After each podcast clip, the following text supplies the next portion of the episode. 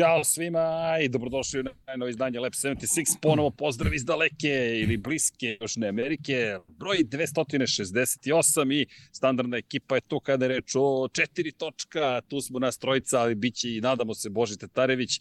Pre svega dok gledate kako Paja pije čaj iz supermoderne šolje, deki se priprema za podcast i imaju kadar koji nisu očekivali. Da vas pozdravim, mazite se i pazite se i budite dobri jedni prema drugim utrli su me klinci u go i go je stigao, pošto južni amerikanci naravno šta najviše vole, još ih nisam zarazio dovoljno, futbal, čao ljudi, Deki Potkonjak i gospodin Pavle Živković u studiju na kraju verzom, jeste mi dobro ljudi? Simpatično. Ćao Srki, dobro je. Simpatično. Vidim da vas je koleginice iz prodaje opremila duksiricama, znači svih da, mogućih duksirice, boja. Duksirice su ispred nas. Da. Nismo mogli da se odlučimo da, da, koji da, da obučemo, I onda smo se opredelili da oni ovako ostanu ovde izloženi, da ovaj da gledaoci izaberu ovaj koji im se najviše sviđa, a mi smo u civilu. Da, evo, ja sam u, u zvaničnim bojama, jel te, u Južnoj Americi, tako da se zna jedino što u kratkim rukavima, ali sve to kako treba. Kimi Raikkonen specijal. Pozdrav svima, naravno, udrite like, udrite subscribe, udrite sve lepe dogmiće, kao što uvek i kažemo, podržite nas, jer svaki like pomaže algoritam danas, jel te više progura na YouTube-u. Ko sluša na audio platforma, želim vam takođe lepo slušanje koji god da je dan, koji god da je godina, koji god da je period dana. Ovde je toplo, kao što možete vidjeti, ako se budem znojio ne zamerite, ali jedini način da dođem do interneta bilo da se uguram bukvalno ovde. Sledeći put ću sa LAN kablom da se pojavim ovde i nekako to sprovedem u delo.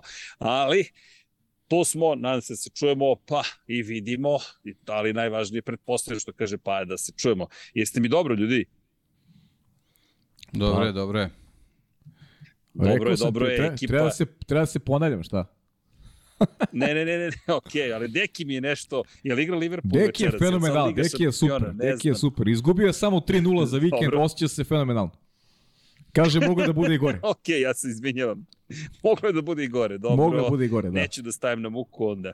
Dobro, bar nije Liga šampiona večeras? Nije, nije, večeras ti je Liga šampiona bila samo u Waterpolu, nemoj da brineš, sve je pod kontrolom.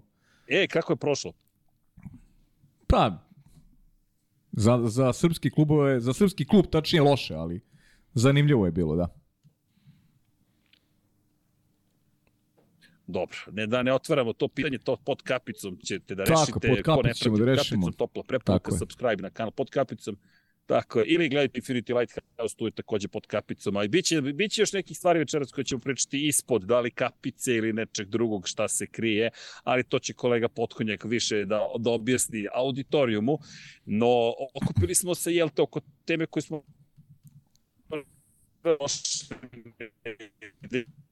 nije da nas hvalim, ali ću da nas naravno hvalim. Red Bull Ford, hoće li se desiti ta never D?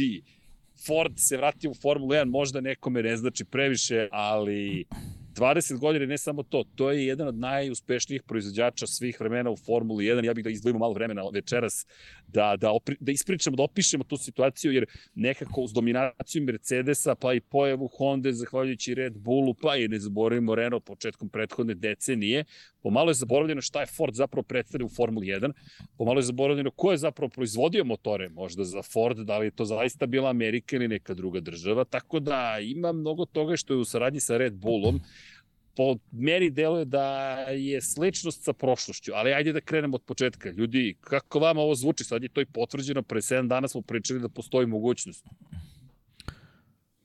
Pa ne znam, meni, meni šokantno, morati priznati. Ali ne iz pozicije Forda, meni je pomalo šokantno iz pozicije ovaj Red Bulla. Mogu da razumem poslovnu odluku, ali opet s druge strane ta, taj prekid saradnje sa Hondom otvara mi neka druga pitanja sad. Honda je najavila da, da će ostati u Formuli 2026.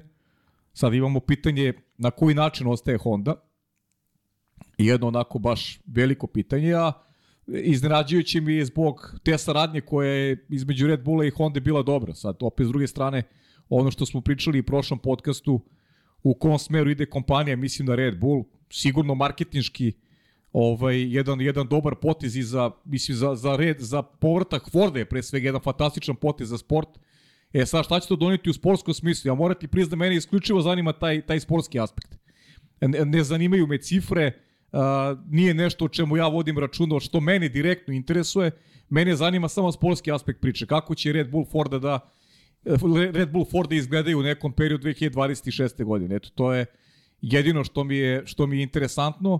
Sad ima dovoljno vremena da se tu stvari da se tu stvari ovaj složi kako treba, činjenica. Još jedan izazov koji čeka Adrian Newey to to bez bez daljnjeg. I, I kažem ti, jedva čekam da vidim kako će to kako će to da da zaživi. Eto, to je neki neki moj prvi utisak uz tu naznaku da mene stvarno apsolutno ne zanima taj finansijski ovaj finansijski mot, uh, motiv za celu priču već isključivo sam fokusiran na sportski.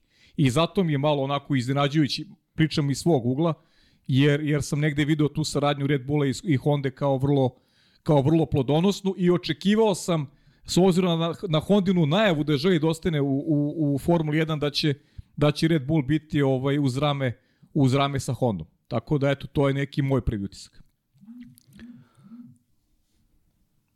Deki, ti šta kažeš? Izvoli, Deki. Malo kasniš pa čekam da vidim da li sam ja na redu. Pa ne, da će ovaj, biti, sorry, sorry. da, sve okej, okay, sve okej. Okay. Ovaj, pa ništa, mislim, otprilike nešto slično kao Paja, samo što eto ja tu dodajem taj neki sentimentalni moment vezan, vezan za Ford, naravno potpuno je jasno da to neće biti uh, neka slična priča kao što smo imali u, u prošlosti, ali generalno ovaj, Red Bull je očigledno potreban pan, partner za ta neka finansiranje te dalje priče oko, oko razvoja njihovih pogonskih jedinica. O, ja verujem da će se tu, tu doći do, do neke kooperacije, pre svega što je Ford verovatno zainteresovan zbog svog svog generalnog portfolija da, da tu razvije neke komponente pogona, pretpostavljam taj, taj neki deo koji se tiče ovaj, električne energije, ali vidjet ćemo, vidjet ćemo kako će to sve da se razvije. Mislim, generalno, eto, taj plavi oval je onako stvarno deo, veliki deo istorije Formule 1 i lepo je da se da se ponovo vraća, naravno nikad on u, u toj priči na, na ozbiljen način bio, nije bio kao, kao konstruktor, već kao ovaj, proizvođač motora i to posebno preko, preko Kosvorta, ovaj, ali generalno neko ko je kroz svoju istoriju bukvalno link između Jima Clarka i recimo Mihajla Schumachera zaista zaslužuje pa da da se ponovo nađe da se ponovo nađe na mapi Formula 1 posebno zbog tih nekih mlađih generacija koje generalno nemaju predstavu šta je Ford značio ovaj u Formuli 1 posebno u trenucima kad su neke male ekipe mogle da se pojave na, na trkama i da su, i, i da su uvek mogli da računaju na, na Fordov V8 i da, da, da uvek znaju da, da postoji pouzdana pogonska jedinica koja njihov entuzijazam može da, da pogura da čak i neke male ekipe urade nešto, nešto više u Formuli 1, čak i onda kad je to bilo mnogo teže nego, nego danas. Da, meni je, moram ti priznam, to mi je nekako i uvod u celu priču, ali ajde, da, da ne pobegne samo Honda, pošto je pa to isto otvorio. Sve ćemo proći. Zašto je Ford toliko bite? Koliko to, koliko to ima pobeda? Kada je odlazio, koliko je imao pobeda i gde se nalazio, trenutno je na poziciji broj 3 svih vremena kao je proizvođač motora po broju u Triumph, ajde da nam to bude neki parametar. Ferrari vodi se 243 pobede, poslednje je bila velika nagrada Austrije prošle godine, Mercedes prošle godine u Sao Paulo zabeležio zabeležio svoju 212. pobedu, vjerojatno li istinito, i Ford sa 176. Dakle, kompanija koja već 20 godina ne učestvuje u Formuli 1, što je četvrtina kompletnog šampionata svih vremena, ima 176 pobjeda. I sam Renault je blizu sa 169, ali Renault i dalje bio tu. Honda nema preko 100, Honda ima 89 kao peti proizvođač i tako dalje, ali Ford je sinonim bio za proizvodnju motora i samo da napomenemo da, da ispričat ćemo priču da to krenulo još 1965. godine zapravo sa Fordom, šampionat je nastao 1950. Ali, pa jo, apropo Honda, evo pitanje za obojicu. Ljudi, ajmo ovako, Honda je rekla mi se povlačimo iz šampionata na kraju 2021. godine. Red Bull je onda napravio Red Bull Power Trains, otkupio intelektualnu svojinu, IP, Intellectual Property Honda, da na osnovu toga dalje razvija svoje motore. Onda je HRC, Honda Racing Corporation, se pojavio na oplati Red Bulla, da bi Honda u prošle godine pred odlazak na veliku nagradu Japana Formula 1 rekla, e, mi se vraćamo ipak kao Honda 2026. A od sada će na Red Bullovim bolidima pisati Honda, iako će to zvanično biti Red Bull Power Trains. Moje pitanje, čekaj sada, ako je Red Bull otkupio intelektualnu svojinu Honda. Šta će sada ovo biti? Honda.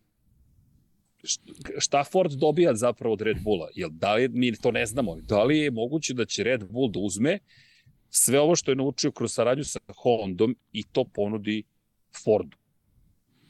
To je dobro pitanje i hipotetički je, ovaj, hipotetičko je pitanje, nemam odgovor zaista na, na, na to što si na to što si sada ovaj rekao, ali ono čime sam se motivisao za, za priču na početku je je, kažem, isključio sportski motiv. Da, da se razumemo, apsolutno, apsolutno sam srećan zbog toga što se Ford vraća u Formu 1. Ja sam ovo sada pričao iz aspekta, iz aspekta uh, Red Bulla. A, seti Jasno. se kakve su, kakve su nam reakcije bile kada se Honda vratila. Svi smo bili oduševljeni. Ali to sportski nije donelo ništa Otpor. timu koji je napravio saradnju. To je bio McLaren u tom momentu.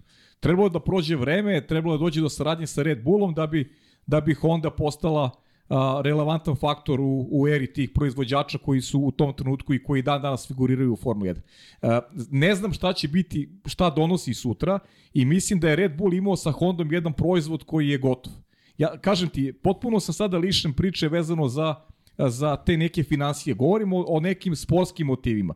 Moguće da je Red Bull bio negde i prinuđen usled onoga što je Deki često apostrofirao. Šta će biti sa Red Bullom nakon, nakon odlaska čoveka koji je napravio kompaniju, nakon odlaska čoveka koji je nekim ljudima apsolutno verovo i dao im u ruke uh, uh, jedan, jedan proizvod koji su oni uh, postavili na neki pijedastal uh, generalno u Formuli 1. Jedan zanimljiv period nas čeka sigurno. Uh, stvarno sam srećan što je što se Ford vraća, ali ne znam ovaj da li je ta saradnja sa Red Bullom nešto što će doneti i jednoj i drugoj strani ovaj ono što se očekuje. Red Bull je Red Bull je negde u, u vrhu već onako pozicioniran dugi niz godina, zvuči onako egzotično, zvuči onako privlači neki zov prošlosti kada govorimo o toj saradnji. Da kažem, znamo i kako je nastao Red Bull i tako dalje i tako dalje, ali imam onako dozu sumnje a, koja je motivisana isključivo tim sportskim motivima, na tvoje pitanje stvarno nemam pravi odgovor i, i ne znam u kom pravcu će, će to sve da se odvije. Mogu ja? Može. Ma ne čujem srđana podatak. Ovaj, pa u principu da, za divno to je, čudo. to je ta neka, to je ta neka igra koja je generalno ovaj, Honda izgleda voli, voli da je uključena u te priče što do nekih svojih prvih nastupa u, Formuli 1 uvek je to bilo nekaka, nekako nedovršena priča.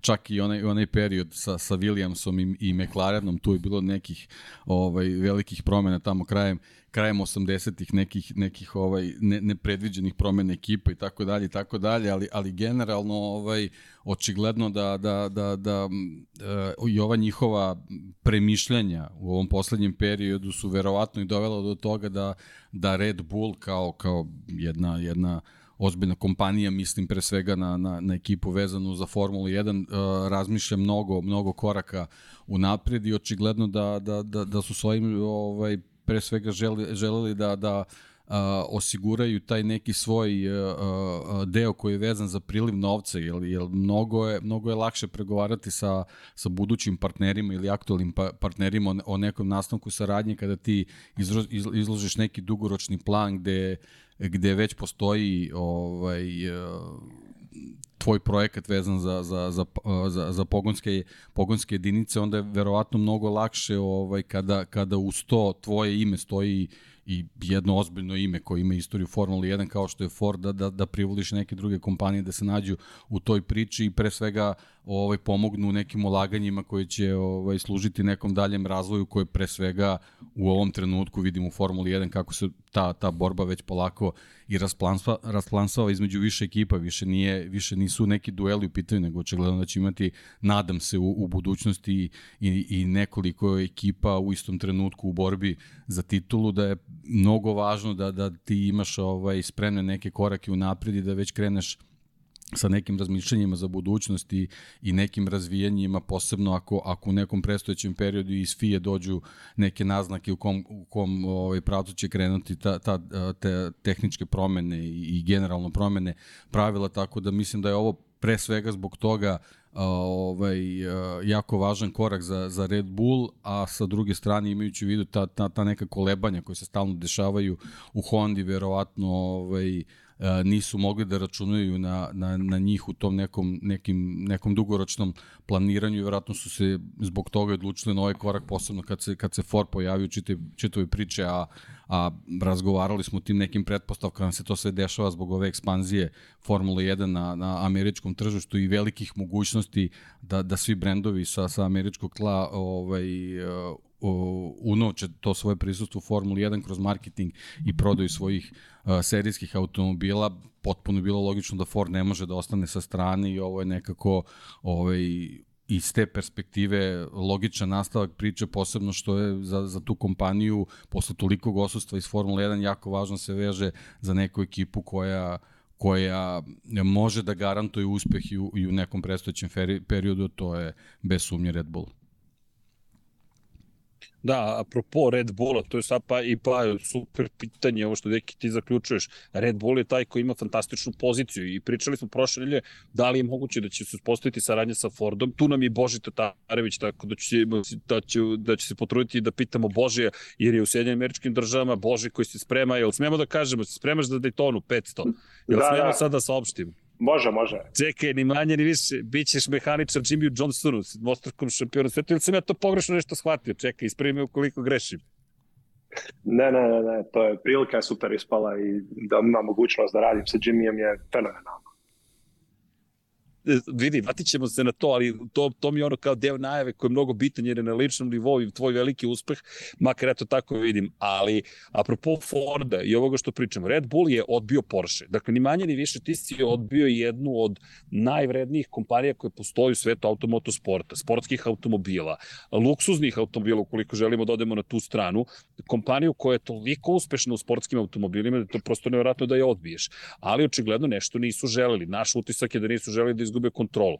Ti si umeđu vremenu pojačao saradnju sa Hondom i sad saopštavaš da ćeš da započneš saradnju sa Fordom, ni manje ni više, koji nema, bar ne da ja znam neki uspešan hibrid u svom komercijalnom programu, pri čemu Ford je rekao da nije došlo do promene pravila, ne zaboravimo, od 2026. 350 kW snage će dolaziti iz električnog pogona, to je skoro 470 konjskih snaga i bit će potpuno zapravo živa goriva u pitanju, dakle idemo ka bio biofuels, ali me zanima, Bože, kako odjeknulo u Americi. Samo jedna stvar, Red Bull je prva ekipa u istoriji Formule 1 koja je prezentaciju svog bolida imala, makar prema rečima Kristijana Hornera, nisam proveravao, ali šef Red Bull je to rekao, da je prvi tim u istoriji koji u Sjedinim američkim državama prezentovao svoj bolid u sred New York City-a i ono što me zanima jeste dve stvari. Ford, kako kako je to odjeknulo u Americi, druga stvar, koliko je Red Bull važan i kao brand u Sjedinim američkim državama.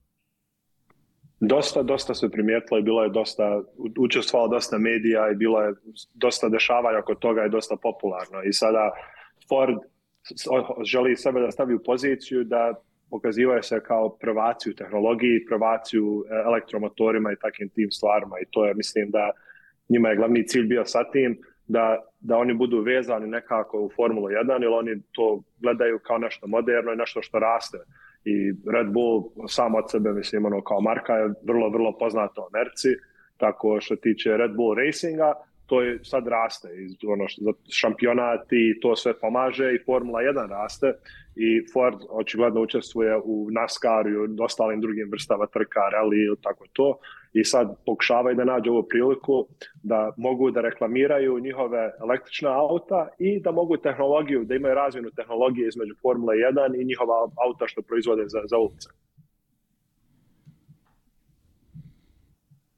Da, Ford pritom, kao što smo pričali, je legenda i kada pogledaš u NASCAR-u koliko se takmiče, a inače Ford neće odustati od svog rally programa, što isto pozitivno, mnogo je važan u rally programu takođe, ali znaš, nekako, nekako nevjerojatno zvuči da Honda potvrđuje, inače, inače da ne zaboravim, ljudi, potvrđeno je u petak, dakle sad u petak je potvrdila Međunarodna automobilska federacija da su se prijavili, šest proizvođača se prijavilo za proizvodnju motora za, od 2026. Ferrari, Mercedes, Alpina, Audi, Honda i sada Ford, to jest Red Bull Ford kako su se nazvali. To je šest proizvođača motora, to je pogonskih jedinica.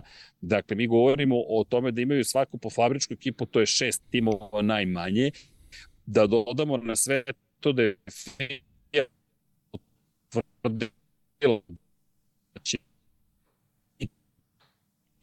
još dve ekipe da, da planiraju da se uključe u šampionat. Osjeći da ti imaš tu šta da kažeš. Znaš, Honda sa svojim eksperimentima. Šta sad s Hondom? Gde će Honda? Pri čemu? Horner je rekao da će snabdevati Red Bull Ford, moram da se navikam sad na Red Bull Ford, a ove godine će pisati Honda pozadi na oplati. Neverovatno kako su tu sve iskombinovali. Da će snabdevati i Red Bull i Alfa Tauri i da Honda zapravo neće učestvovati nije kakvoj saradnji sa Alfa Taurim prema trenutnim stvarima. Šta sad, šta sad bili za Hondu? To je pajno je super pitanje. Pa Gde to će je- Honda? Veruj mi da mene, mene to najviše zanima sada, znaš. Mene to sad najviše zanima. Znaš, gde će, gde će Honda u 2026? Imam neku ideju, u stvari to bi ja volao najviše. Ja bih volao da ponovo bude Šta? McLaren Honda. Pa McLaren Honda da bude ponovo. Aha, Ej, razmišljao sam, moram ti priznati o tome. Pa pazi, to je samo, Ali- samo moja želja, ništa više. Ne, nemam nikakve, znaš, nemam nikakve informacije da se tu nešto dešava. Samo, samo želja, ništa više. Jasno. To, to što se tiče smisla. ja, Da.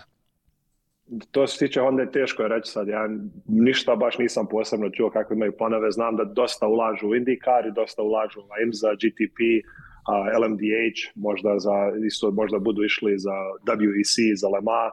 Tako ne znam da, da li imaju baš neki veliki interes da nastave sa nekim, ali ima mogućnost opet da budu neki partneri, ali ne znam tačno. Nisam ništa čuo da, da mogu reći da posebno ima neke vijesti da nešto planiraju u Formuli 1.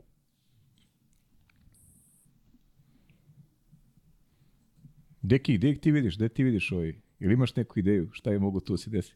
Pa, Zagonetno se ne, da, smeškaš. sad smo, sad smo krenuli tu neku analizu ovaj, i, i, i pretpostavki, ali u ovom trenutku stvarno je reći s obzirom na, na, na, na, na trenutni raspored ekipa i pogonskih jedinica gde bi Honda tu mogla da se nađe, ali eto, mislim, možemo, možemo da krenemo s tim pretpostavkama, ali ako krećemo onda na tu emotivnu stranu, ja bih više volao da vidim Williams, Williams, Honda. znao sam da će to kažeš. Znam zašto si Ja, mi pitao. znao sam, znao. da. Ili ja se poznajemo dobro. Dobro se poznajemo izgleda. E, znao, pri čemu, pri čemu podivljali zato što je Galf došao. I sad, i, i, čak si Thomas Laudenbach bi oglasio, čovek koji vodi motorsport u Porscheu, kaže, bi njemu je smešno već koliko ljudi tvrdi da će Williams da se spoji sa Porscheom.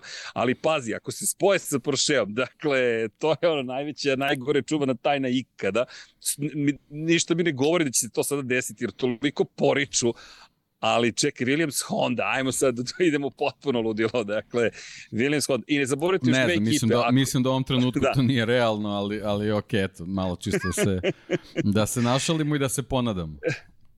Pa da, ali vidi šta se sve otvorilo ljudi u Formuli 1. Mi smo do pre 3-4 godine razmišljali šta će biti s kućom, znaš, gde su gledaoci, gde su proizvođači, šta se događa sada. 20 milijardi dolara se nudi za Formulu 1. A, Dve ekipe dodatne treba da se pridruže. Biće borbe oko budžeta. Istine, ograničeni su budžeti, tako da to otvara neki novi mogućnosti da timovi čak i zarade. Dakle, nije to tako baš crno-belo. Nikad nije. Ali sad jednom ako Andretti i Cadillac budu nova ekipa, to je 11. tim, šta će Honda, fabričku ekipu ponovo da pravi, pa da je prodaje Rosu Bronu još jednom, pazi, ko je Ma to ne, put Hon- da će praviti Honda, Honda tim? nema nikakav problem, mislim, videli smo ovaj u, u, u, u, u, ovaj, u bliskoj prošlosti kako ovaj, Japanci jednostavno preseku i odustanu od svega, tako da ovaj, Pa nema, nemaju oni očigledan problem s tim, tako da više, više mi se ovaj, ložimo na tu celu priču i nešto planiramo nego što oni To, to, to, to. gledaju na taj način. Ima, ima tu dosta, dosta dijelova i ne znam baš da, da, da će nešto oni da isplaniraju da odjednom samo krenu tako ne, bit će mislim vijesti, ali neki će stvari izaći ako bude neki posebni planova, ali sad što bi gledao na te neke druge veze je to recimo ko Cadillac i Andretti, što i to sam čuo sada to nedavno prošle sedmice, a GM E, da. Performance, njihov centar za inženjere ovde u, u Sjevernoj Karolini, u Charlotteu, ovaj, čuo sam, nije, nije još postavljeno na njihove stranice, ali čuo sam da, da ima odobrenje da prime onaj neki 50-60 inženjera, da počnu pripreme za Formula 1, ono, da studiraju, da rade simulacije i tako to. Pa, pa prema tome mislim da onak GM, Cadillac, da, da misle da, da imaju dobru priliku da uđu čim počne da počnu da, da, da zapošljavaju inženjere. Sad to, vjerujem, u naredni mjesec ili dva vidjet ćemo, to će izaći te, onaj, ono, te potražnje za inženjere, ali pomalo je ono, izašle su vijesti kao da ljudi ono počnu da pričaju da, da preporuke dolaze za inženjere, za aerodinamike i tako to sad neke razne te za gume i ostale te onaj, departmane, tako izgleda da imaju dobre šanse ili makar misli, Cadillac makar misli da imaju dobre šanse. Pa, Boži, čim to rade, znači da imaju nek, neku povratnu informaciju da, da, da, da su šanse prilično dobre. Ne, ne, ne bi se ponašali u tom stilu. Ne bi na pamet tražili inženjere i, i, ovaj, da, da. i pokušavali da, da urade neku, neku dobru priču. Ma da, to je veliko je ulaganje i ono, oni imaju planova da, da, da i prošire svoje, svoje te neke razne ovaj, smjerove u, u, u motosportu, jer napravo su baš ovaj novi ogromni centar ovde u, u Charlotte. Odmah je možda kilometar od Charlotte Motor Speedway kod blizu Hendrick Motorsporta, znači blizu njihovog kampusa. Hendrick ima tu 7-8 zgrada i sad ima ta nova GM zgrada, ima, mislim, već su tri ili četiri simulatora unutra postavili, imaju neki tih sredstava da testiraju auta, da se testiraju amortizere i tako raznih stvari, tako ono, očigledno imaju neke, neke veće planove, jer nisu čak ni, ni, ni svaki isprati ispunili te zgrade koliko su, čega su planirali za budućnost. Dobro, dakle i Cadillac, pa eto, to je, dakle, i, i GM i sada Ford, ali pazi, Ford je merama bio prvi pik iskreno za prike, ukoliko će neko da dođe da će to biti Ford. Čisto da ne zaboravimo taj deo priče, pošto naravno spekulisat ćemo šta sa to sve znači. Konkretno, a to prvo pitanje, meni je zaista kompleksno znači Red Bull je toliko povezan, će odjednom da se pojavi IP u Fordu koji je Honda razvijala i investirala milijarde i milijarde da bi razvila hibridni pogon za Formulu 1 i onda Red Bull ga sad odjednom koristi, znaš, koji je to transfer tehnologija, to je, to je mnogo veliko pitanje. Borimo zašto, zašto smo mi toliko uzbuđeni oko Forda i par stvari. Ford nikada nije, deki time ispravi koliko ja grešim, zaista proizvodio zapravo te motore proizvodila ih jedna mala kompanija koja se zove Cosworth. Za one koji ne znaju, Kit Duckworth i Mike Costin, jel te, Costin Duckworth, Cosworth, su napravili kompaniju koja je od 1967 proizvodila, ne, 65. su se promenila pravila, počela da proizvodi motore. I čuveni motor je bio Cosworthov onaj DFV. Ne, sad, ne znam, Boži, koje si ti godište, ali to je Double Four Valve koji je, koji je zapravo bio razvijen za kolečmena i ekipu Lotosa ali sponsor je bio Ford. Čisto pošto mnogo ljudi pitalo da li će sutra se odjednom Ford baviti proizvodnjom ili će to biti deo Red Bullovog posla. Može da se desi da će zaista Red Bull to nastaviti sponzor da, da radi, a ono što si ti deki rekao, neko mora da plati. Uz, nažalost, tragičnu smrt Dietriha Matešića, da ovo mi deluje kao da će zaštititi Red Bull Racing iz perspektive toga čak i da Red Bull kao kompanija kaže mi nećemo da investiramo ovo više, ti sad imaš Forda kao investitora. Kak, da, da, da li vam to ima smisla? Mislim da, da je to prilično nekako čak i očigledno. Ko će prvi? Ajde. Ima, Ajde, ima mogućnosti za sve. Ajde, Bože, reci ti, Kaži, Boži. Ti. Da, to što tiče Ford DF motora, to mislim, poznato je ovde dosta. Ima, mislim, dosta ti dilova, ima čak i trenutno ovde u trkanju u Americi, sa drugim firmama gdje ono, jedan Stvarno? proizvođač stavlja svoju marku, a ono, neko drugi proizvodi. Recimo u NASCAR-u, NASCAR Truck Series, a proizvođač motora je Ilmor, ali u stvarnosti ti motori su od Chevroleta motori što Ilmor uzme i preradi i stave svoju marku na njih. I onda preprodavaju i svako koristi, tako mogu drugi proizvođači što su u NASCAR-u Trucks da koriste Ilmor motor, iako je u stvarnosti to Chevroletov motor tako počne. Znači, ima mislim ti kombinacija koliko hoćeš, a što se tiče a, DFV i tako toga, to je mislim poznato i mislim da, da će biti sličan smjer ovde, ali mislim da će više fokusirati se na, e, e, na hibrid, na električni dio, nego čak na, ovaj, na, na benzin motor. Znači da oni hoće da, da mogu svoju tehnologiju, ali imaju baš veliki smjer toga na električna auta i električna auta za trkanje, što imao sam priliku da vidim njihov ovaj Mach-E 1400 što su koristili u reklami nedavno sad sa Red Bullom, sa Verstappenom a, i Perezom.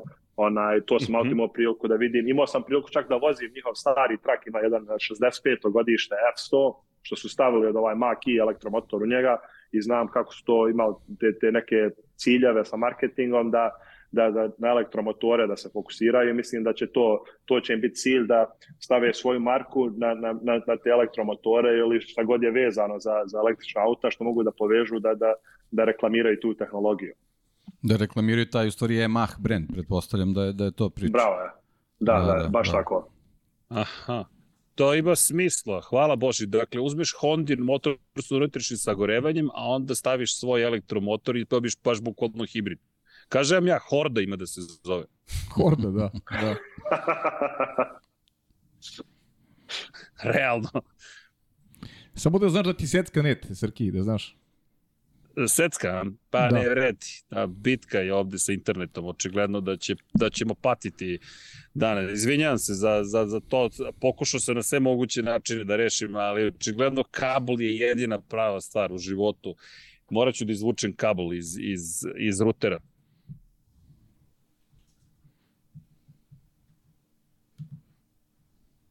Sad, si se, sad se zamrzla slika ili...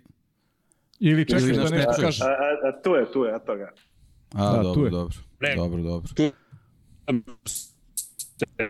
Ne, zapravo sam se učuto, čekam Dekijev komentara i pa i komentar. Učeka Dekijev, da. pošto istorija u pitanju, čisto za, za one koji eventualno ne znaju taj DFV, po čemu je čuven. To je V8 motor koji je decenijima korišćen. Ljudi, to je Zašto ja, ja toliko želim da se, da se tome, da tome ispričamo priču? Taj V8 je nastao zapravo tako što su bukvalno uzeli blok motora 1, četvorocilindrični, nakačili prvi jedan blok koji, koji je potom postao VO da pare, a onda se spojio sa ekipom iz Britanije i Fordom Evrope i bukvalno je nakrat nalepili su Ford na to, ali fenomenalno što je to motor, kao što si rekao, to, to, to je to Jim Clark je to koristio, Graham Hill je koristio te motore. Ja ne znam koji vozač nije, nije, nije, nije se našao to. Evo, pisak koji su imali taj motor. Graham Lotus smatra Lotus, Jackie Stewart, Emerson Fittipaldi, ponovo Jackie Stewart, ponovo Emerson Fittipaldi, James Hunt, čuveni McLaren, oni njegovi, Mario Andretti, Alan Jones, Nelson Piquet, Keke Rosberg sa DFV-om. Dakle, ne govorim kasnije da. što su osvali još tako je, tako je, sa da. CT Kerom i ostalo. Ljudi, to je motor koji je bio neprikosnoven. Pri čemu on je razvijen za jednu ekipu, ali svako je mogu doći kod Cosworth i da kaže... Taj, da taj motor je bukvalno, bukvalno napravljen u trenutku kad je bilo potrebno za Lotus 49 da, da se kreira pogonska jedinica, a onda i taj čuveni bolid je u stvari napravljen da bi mogao da primi taj motor. Znači, to je, to je bila jedna neverovatna inženjerska kombinacija u tom trenutku i, i, i prosto je fascinantno da eto, koje si vozača sve nabrali, znači da bukvalno neki skoro dve, decen, dve decenije taj, taj motor bio apsolutno konkurentan u Formuli 1, tako da ovaj, izuzetan, izuzetan inženjerski ovaj, poduhvati i, i proizvod i, i, i kao što smo rekli, mislim, Ford je bio naravno u čitavoj priči, ali jednostavno dvojica dvojica inženjera koji su, koji su stvorili tu, tu Cosworth firmu, u stvari stoje, stoji iza toga i, i, i generalno očigledno da taj recept e, nije nije ovaj sad izmišljen ni nije apsolutno nova. Ja sam i u prošlom podcastu pričao kad kad je bila priča o mogućnosti da da da Red Bull i Ford zvaniče saradnju, mislim i Red Bull ovaj uh, ume da da da nudi svojim svojim klijentima tu mogućnost da se rebrendiraju ti agregati da da se da se pogonske jedinice vode pod nekim drugim imenom i onda znamo da je to još krenulo dok je dok, dok su sarađivali sa Renaultom, pa je tad bila ide, ideja da se promoviše brand Infinity, pa je posle toga bio i Tag Heuer i Aston Martin svašta nešto se pojavljivalo na poklopcima motora u, u, u Red Bullu, tako da oni vrlo dobro znaju taj, taj koncept tog dela te marketinške promocije, a opet sa druge strane vidimo da u principu te te saradnje nisu ništa novo i da prilično ovaj a, mogu dosta a, dobrih stvari da donesu velikim kompanijama koji žele da da instant ulaganjem dobiju dobiju rezultate, da preskoče neki period razvoja, da jako brzo dođu do do kvalitetnih agregata što što zahvaljujući nekoj know-how tehnologiji koja koja postoji ili jednostavno nekako prikupljanjem informacija od postojećih pogonskih jedinica kod svojih saradnika da, da jednostavno preskoče neke korake u svom daljem razvoju ili možda da se usmore u, u pravom smeru. Tako da očigledno kolika god to investicija da, da bude za Ford, da su oni procenili da, da to njima u svakom slučaju može da se isplati. Znači što marketinške, a što u nekom ra tehnološkom razvoju koji treba da usledi što pre i u što kraćem periodu.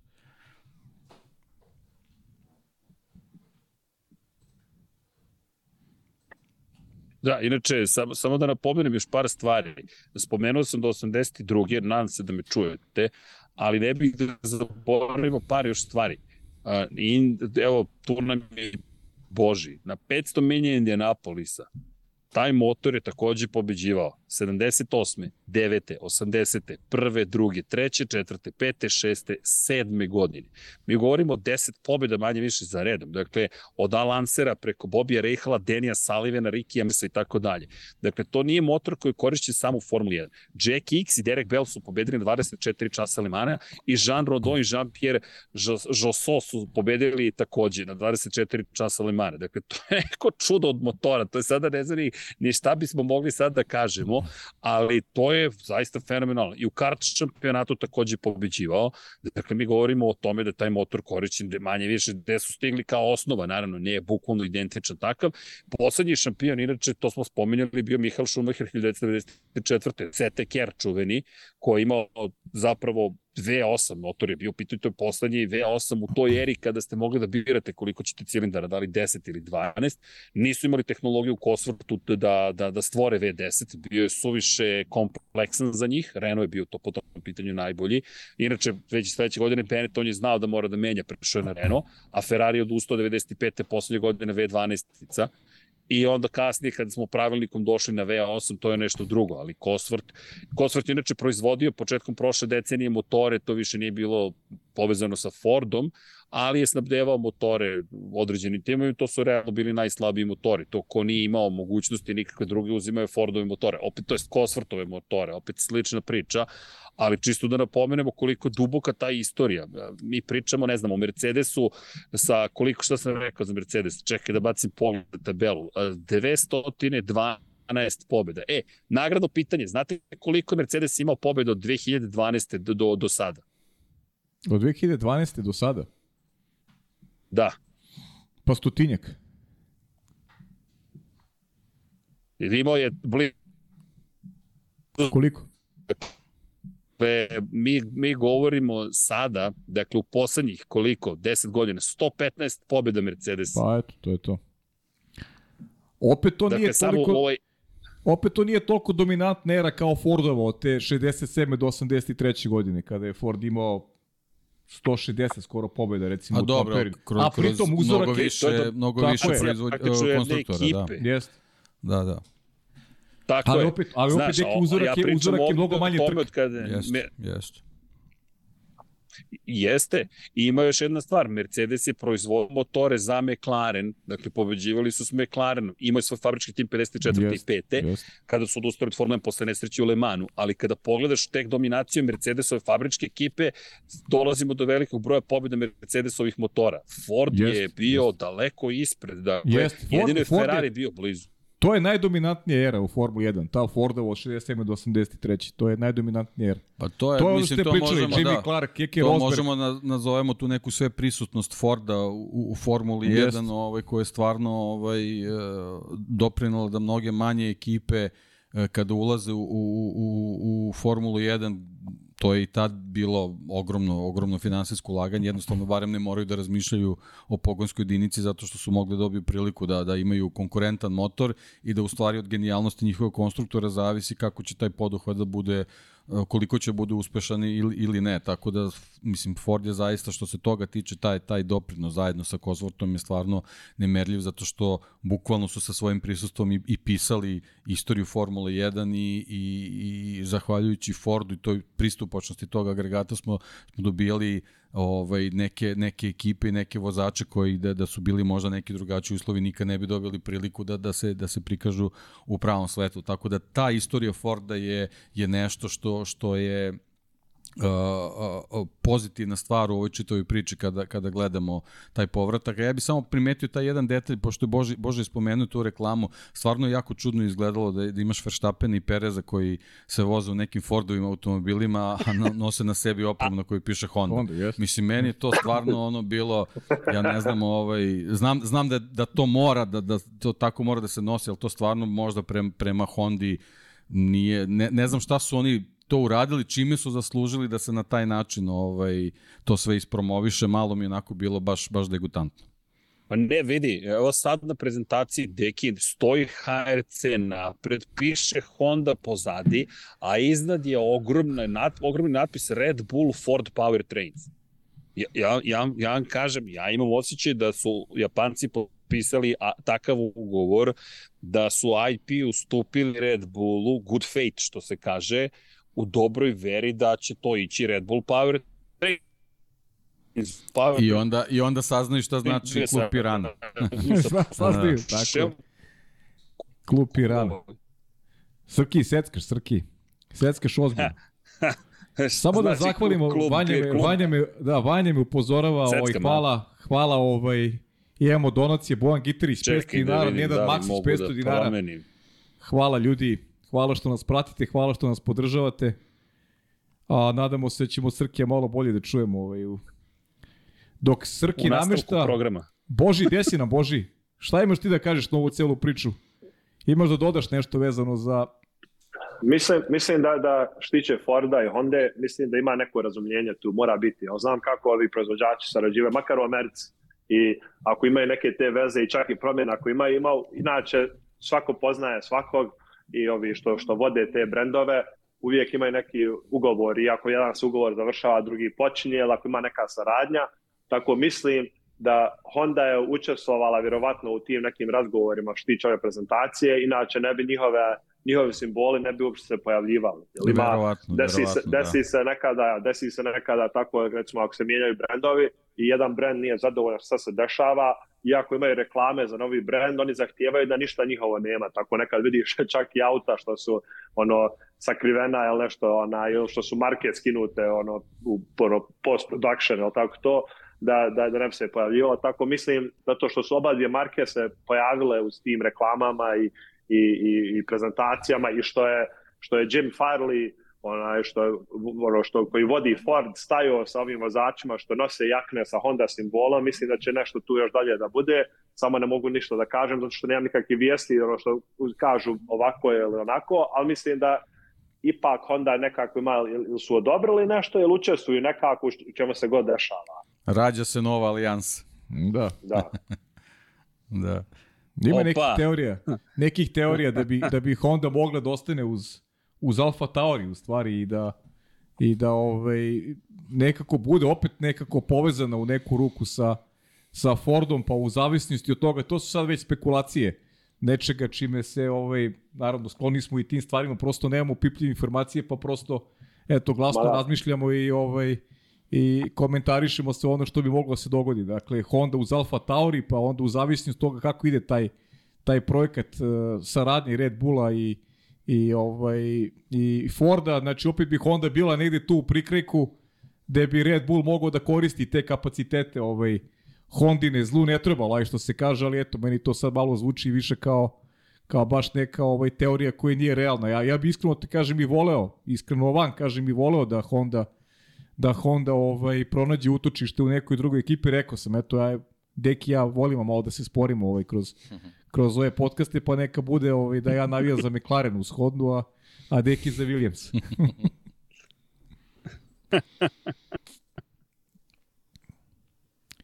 da li se bolje, ajde da te testiramo, ajde, da li se bolje da čujemo. ko će da pobedi. Se bolje čujemo sada, kakva je situacija? Pa, ajde, ajde, priči, priči, vidit ćemo. Dobio si na četu savjet priči, možda da, da vratiš setovanje, one stare boje, istopljene možda, možda veza bude bolje.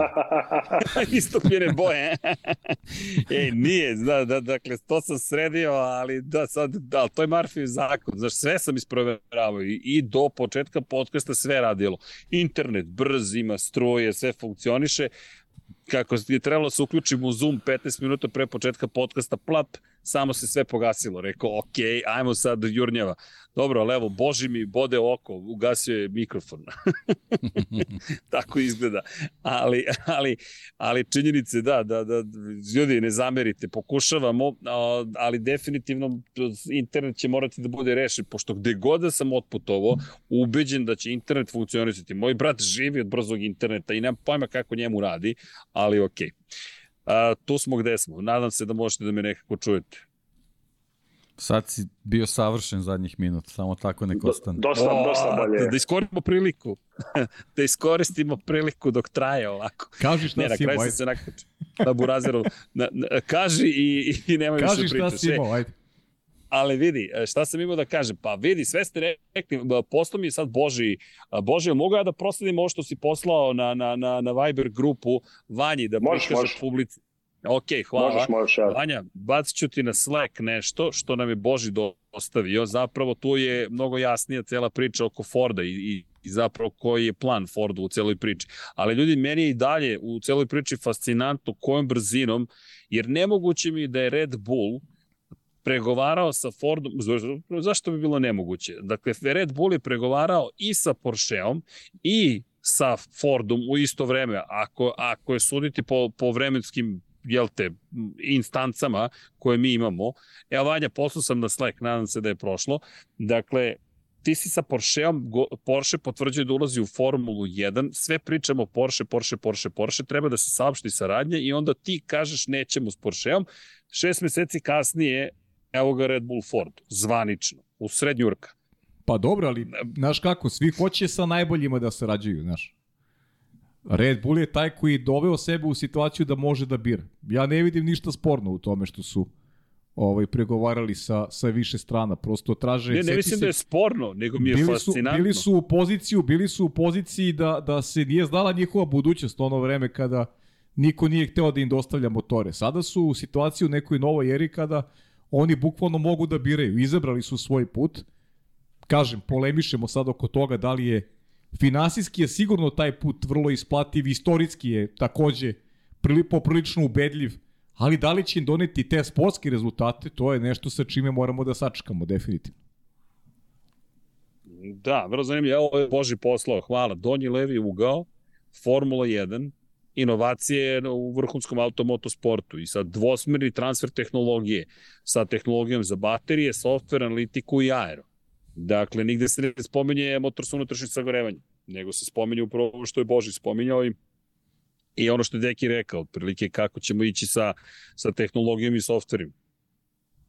Jasno, jasno. Da, i ono što im je bitno, Super da grafik. će biti 100%, 100 sustainable fuel, dakle, ogorivo da će biti održivo.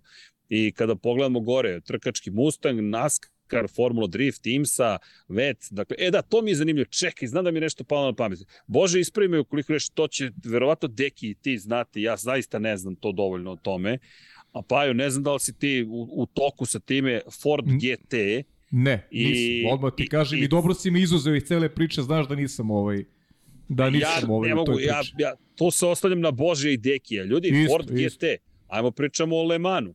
Sad svi spomenju Ferrari protiv Forda, ponovo imamo tu priču, hoćemo da ih vidimo zajedno na Le Manu. Šta je sa hiperautomobilom Fordovim? A, to ne očekivam hiperautomobila od Forda nikad uskoro. A, mislim, jedina stvar što će ulagati na toj strani trenutno je Mustang GT3. I to, će, to je sad postaje legalno na Le Manu, tako vidjet ćemo Mustang GT3 protiv Ferrarija GT3 vjerovatno, ali što tiče hipercar, ne, nećemo vidjeti to. Biće, biće Mustang, biće ovde u Americi, IMSA Rolex 24, bit će tamo WEC isto tako za Le Mans i onda SRO takođe GT3, tako ono, oni će Mustang da prošire na dosta marki, ali to, to će im biti cilj sada je Mustang i trakovi zasno gdje se trkaju i kako se trkaju, plus malo rally i onda plus sad ovo novo sa Formula 1. Da, s tim što sad imamo taj novi moment sa, sa Red Bullom, zato što tamo imamo Adrian Newey i znamo ovaj, kakve su ovaj, njegove aspiracije prema hiperautomobilima i kakve su njegove želje, tako da verovatno sa strane Red Bulla u nekom trenutku možda se rodi ideja da se, da se, da, da, da se svojim hiperautomobilom uključi u Ford u tu priču. Da, da. Ovaj, tako da im- ima, ima naravno i, i, tih mogućnosti, ovaj, ali za sad ovo što je Bože rekao, mislim, mislim da je za sad to realnost u stvari. Ima, ima dosta interesantnih kombinacija tu, eto, tako nešto, možda, možda se neke te nove ideje rode, da li to bilo da se recimo taj pravi hiperautomobil ili čak drugih stvari. A, a, a, Daniel Ricardo, kad je bio u New Yorku neki dan, kolege moje iz Roden Track su razgovarali sa njim i pitali kako on vidi stvari od ovoga, od ove veze sa Fordom.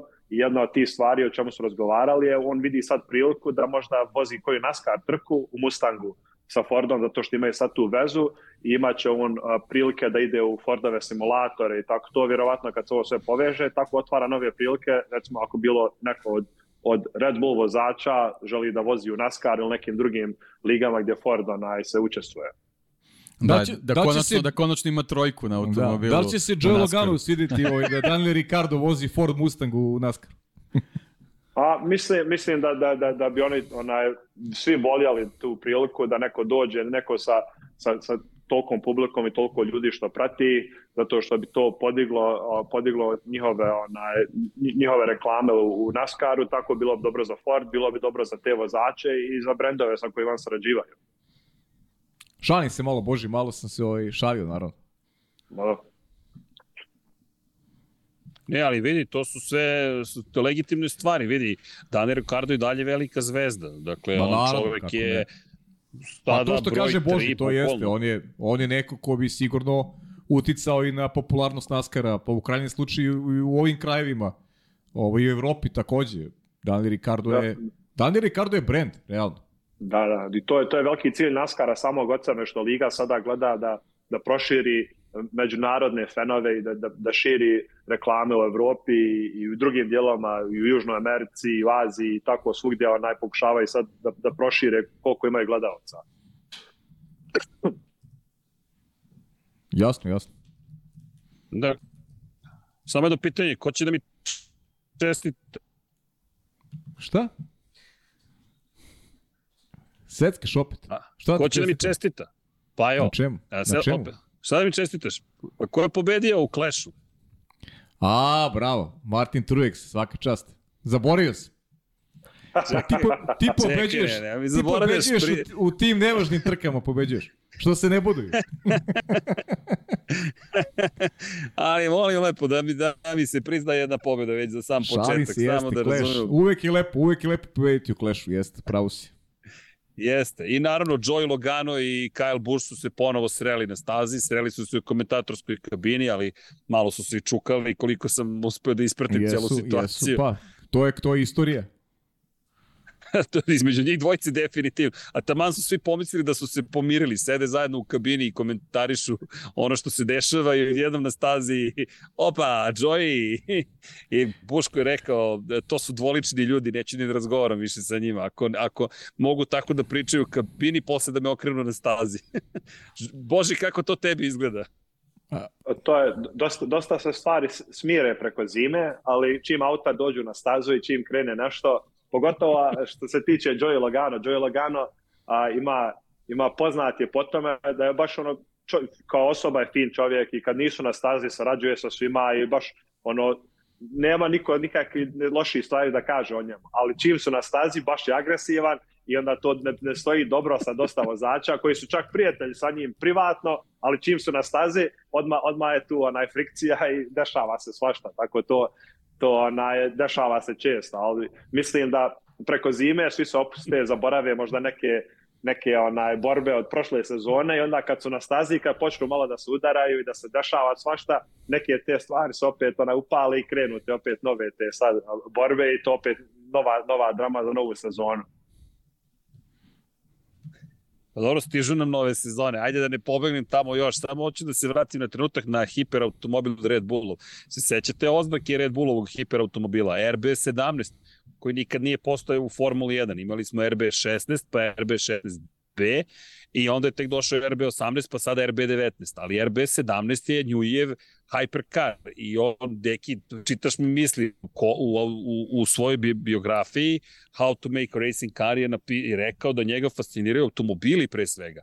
Da, on je najpoznatiji po Formuli 1, ali on čovek voli automobile, tako da sam ja ubeđen da će Red Bull, zapravo sad ste mi odgovorili, jer ako Ford neće ulaziti sa svojim hiperautomobilom, onda će Red Bull, siguran sam, dakle ovo je samo moje mišljenje, naravno sam siguran, ući sa RB17 ili kako god da se bude zvao, a Ford će lepo elegantno moći da zalepi badge i da kaže evo nas ponovo se trkamo protiv Ferrarija i malo doživimo Hollywood, pak ne zaboravimo te čuvene bitke.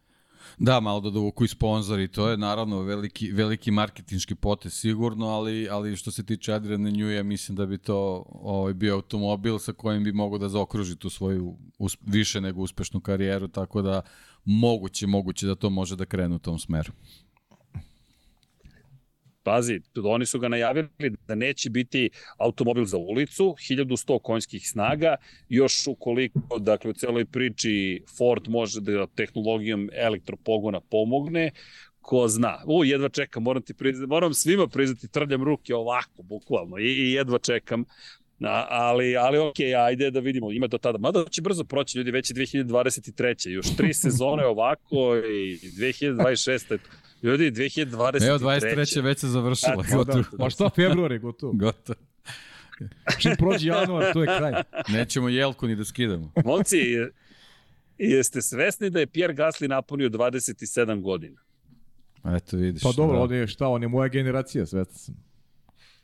Da, tako je, tako ovako, samo prolazi vreme, samo pa, za cijeli čas, ali... Prolaze godinici, da, šta se radi? prolaze, prolaze godine, 27 tako godine, kad se to desilo? On je iskusan vozač, iskusan vozač. Iskusan vozač, ali dobro, pričat ćemo o njemu. Nego da ne pobiju, da iskoristimo čekaj. Opet imaš. A, smo i NASCAR. 500 milijada i tone. Šta je mehaničar, je li tako? Nesto sam, dobro. Pitajte Božije za NASCAR.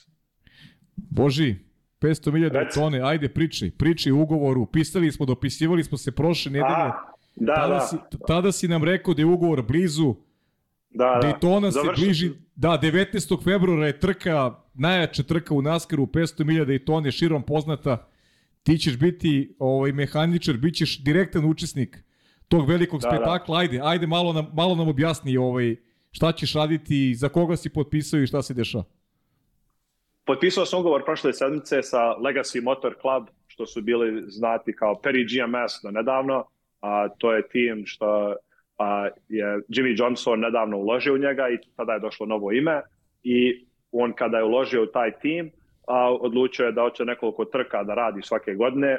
A, ove godine procjena je pet, možda malo više trka, ali uglavnom za sad a, 500 milijada i tone i Chicago Street Course trka su već zaokružene. I a, njehov a, tehnički direktor je, a, ja poznajem njega već duže vrijeme, on se javio prije nekoliko sedmica i kaže pokušavam da skupljamo ekipu inženjera mehaničara i ono, oni su imali želju da skupe iz raznih smjereva, tako da, da imaju malo, da neki stvari mogu da, ono, da nauče od drugih, da nisu samo NASCAR inženjeri, mehaničari i i da ne moraju da imaju neke sad duže ugovore, već samo neko ko ima želju da radi 5, 6 ili 7 trka godišnje umjesto 36 ili 37 trka. Tako ispala je super kombinacija za mene.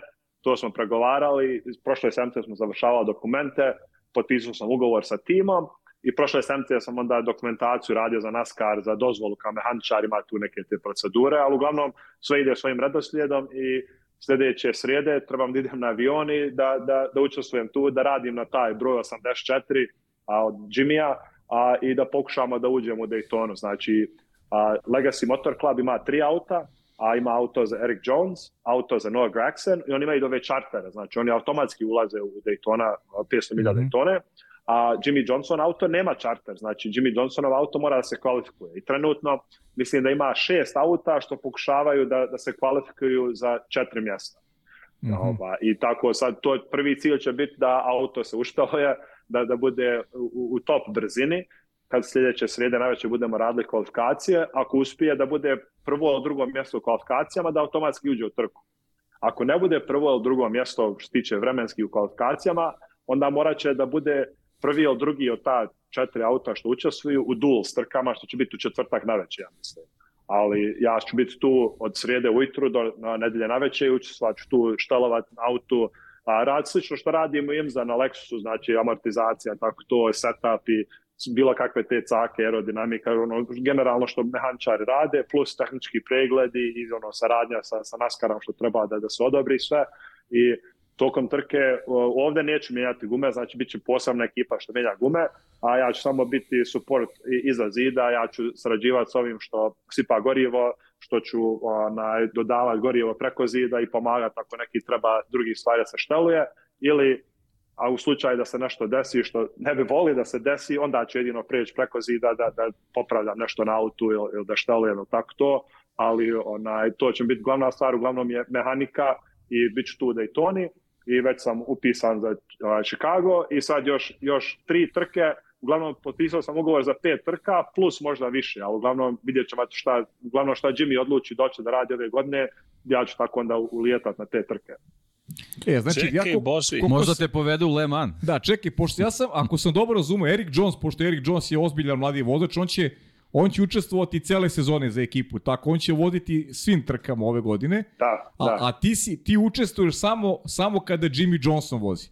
E, Da, da, kaži mi, si, i si imao priliku do sada da, da, da upoznaš Jimmya Johnsona, da komuniciraš s njim, pošto je, pošto je Jimmy jedan od najvećih legendi NASCAR-a, on je u penziji već nekoliko sezona, Srđan i ja smo imali prilike da da uživamo evo već godinama unazad uz njegove komentare, imamo prilike da ga čujemo u slušalici, sigurno a mnogo pomaže i naše komentarisanju, a mene zanima taj neki lični moment, da li si imao prilike ti da, da Jimmy lično upoznaš i, i ajde nam preneseš neki utiske. Sutra, sutra su mi prvi sastanci sa timom. Znači, toliko, to se sve, bukvalno kad sam s vama razgovarao prošlog utorka, sam tek papire završavali za NASCAR i onda imao sam neki ja drugi svojih stvari i tek sutra imam prvi sastanak sa timom da, da počnemo to da sklapamo, onda tokom sljedeće sedmice očekujemo da se upoznati sa njim i sa svim ostalim na timu, drugim mehaničarima, inženjerima i tako to s kime ćemo sarađivati. Tako, osim, osim ovog tehničkog direktora, ovaj, i ovi neki što rade to HR za papirologiju, nisam još nikim onaj, ništa puno razgovarao, tako to će biti tek u narednih dva, tri dana. Sutra imamo prvu, sutra imamo prvu probu za pit stopove i još neke druge sastanke, ovaj, te za, za, za competition, tako očekivao bi da će vjerovatno on biti tu da se upozna sa ekipom, ali ako ne bude tu, onda će biti vjerovatno krajem sedmice kad budu neki sastanci. Boži, ne znam da li me čujete, ali... Čujemo te, čujemo te. čekaj, dve- dve stvari. Ajde, prva stvar, aplauz. Dakle, čekaj, ti radiš sada sa dvostrukim šampionom NASCAR-a, to je Lewis Hamilton u Formuli 1, dakle, jedan od najuspešnijih svih vremena, samo dva čoveka su došli do tog broja titula, tako ti čestitam, pretpostavljam da je to važno u tvojoj karijeri, pazi, Jimmy Johnson je Jimmy Johnson, to, to kad kažeš Jimmy Johnson, zna se s kim sarađuješ konačno, i druga stvar je ovo što je Deki rekao, Jimmy Johnson Jensen Button, Mike Rockefeller, garaža 56, čekaj, oni idu u Le Mans. Di, a, jel se otvara Tako tu je. nešto, jel smemo da pitamo? To, a, iskreno da kažem, ne znam da li imaju nikakve prilike tako, zato što to Garage 56 ide kroz Hendrik.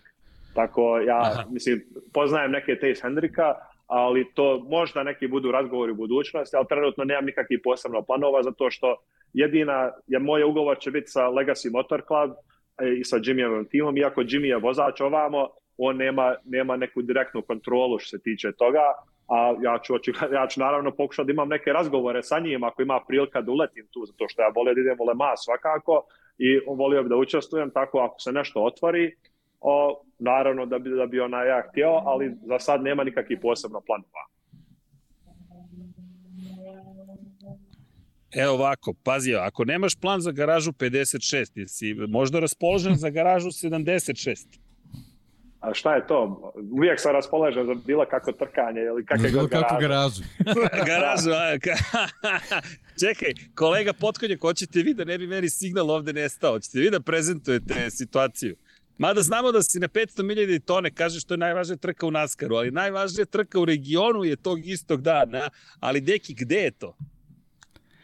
Pa evo ovako, znači 19. februar, Grobnik, poznata staza naravno, pored rijeke za, za naš region posebno značajna ovaj, iz, iz više razloga.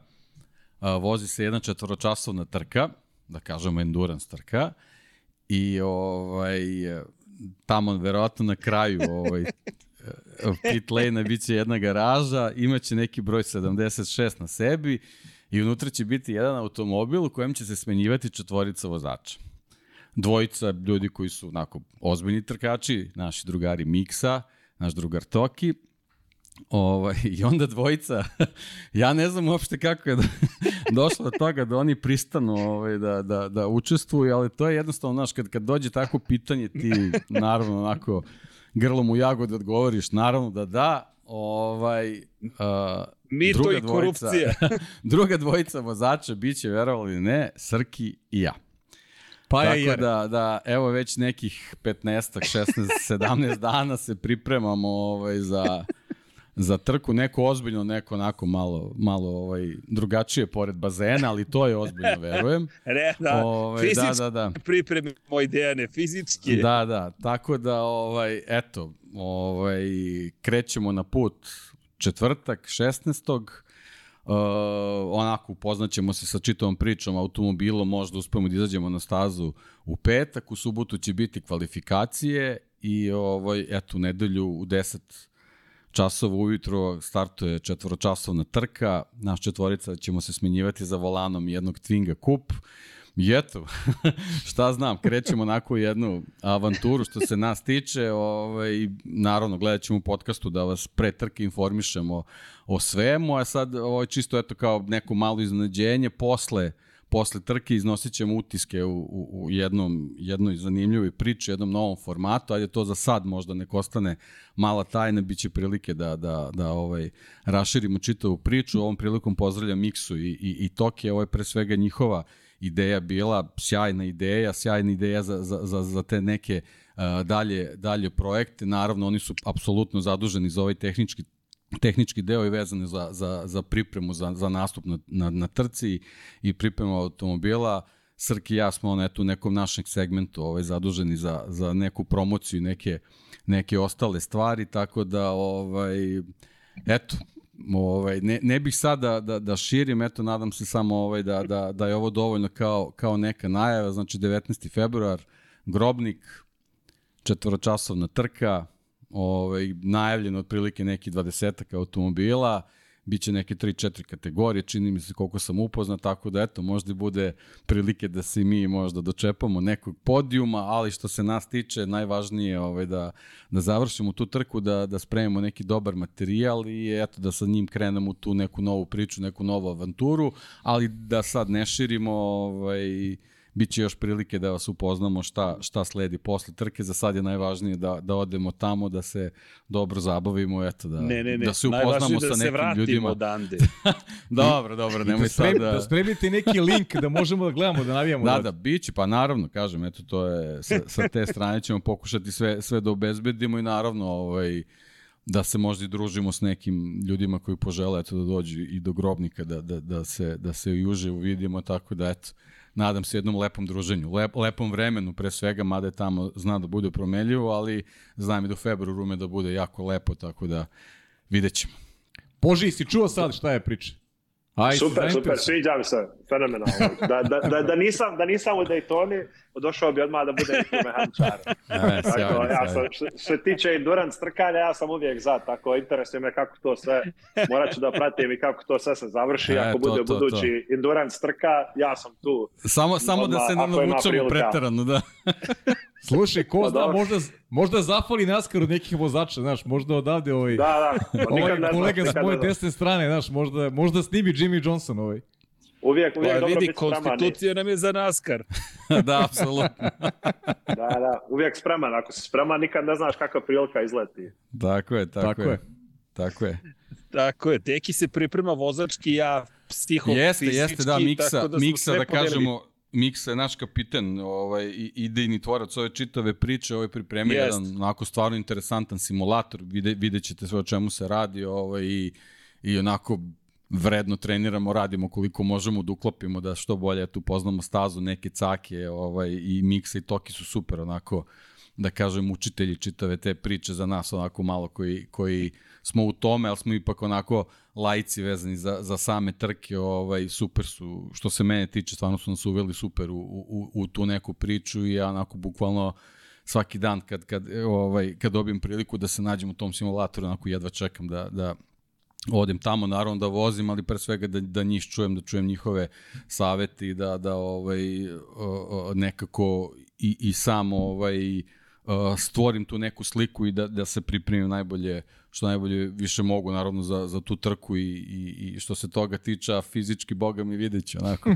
Ide, ali nije, nije sad nešto e. spektakularno ali, e, a samo da vam kažemo bojci Muhamed Hajdari vas pozdravlja iz rijeke dobro. i kaže da se spremite za buru, samo da znate. Jel tako? Da. Pa dobro, da. Daleko je to još. Da ne, se spremimo ne za? Da... Za buru. Da. Za buru?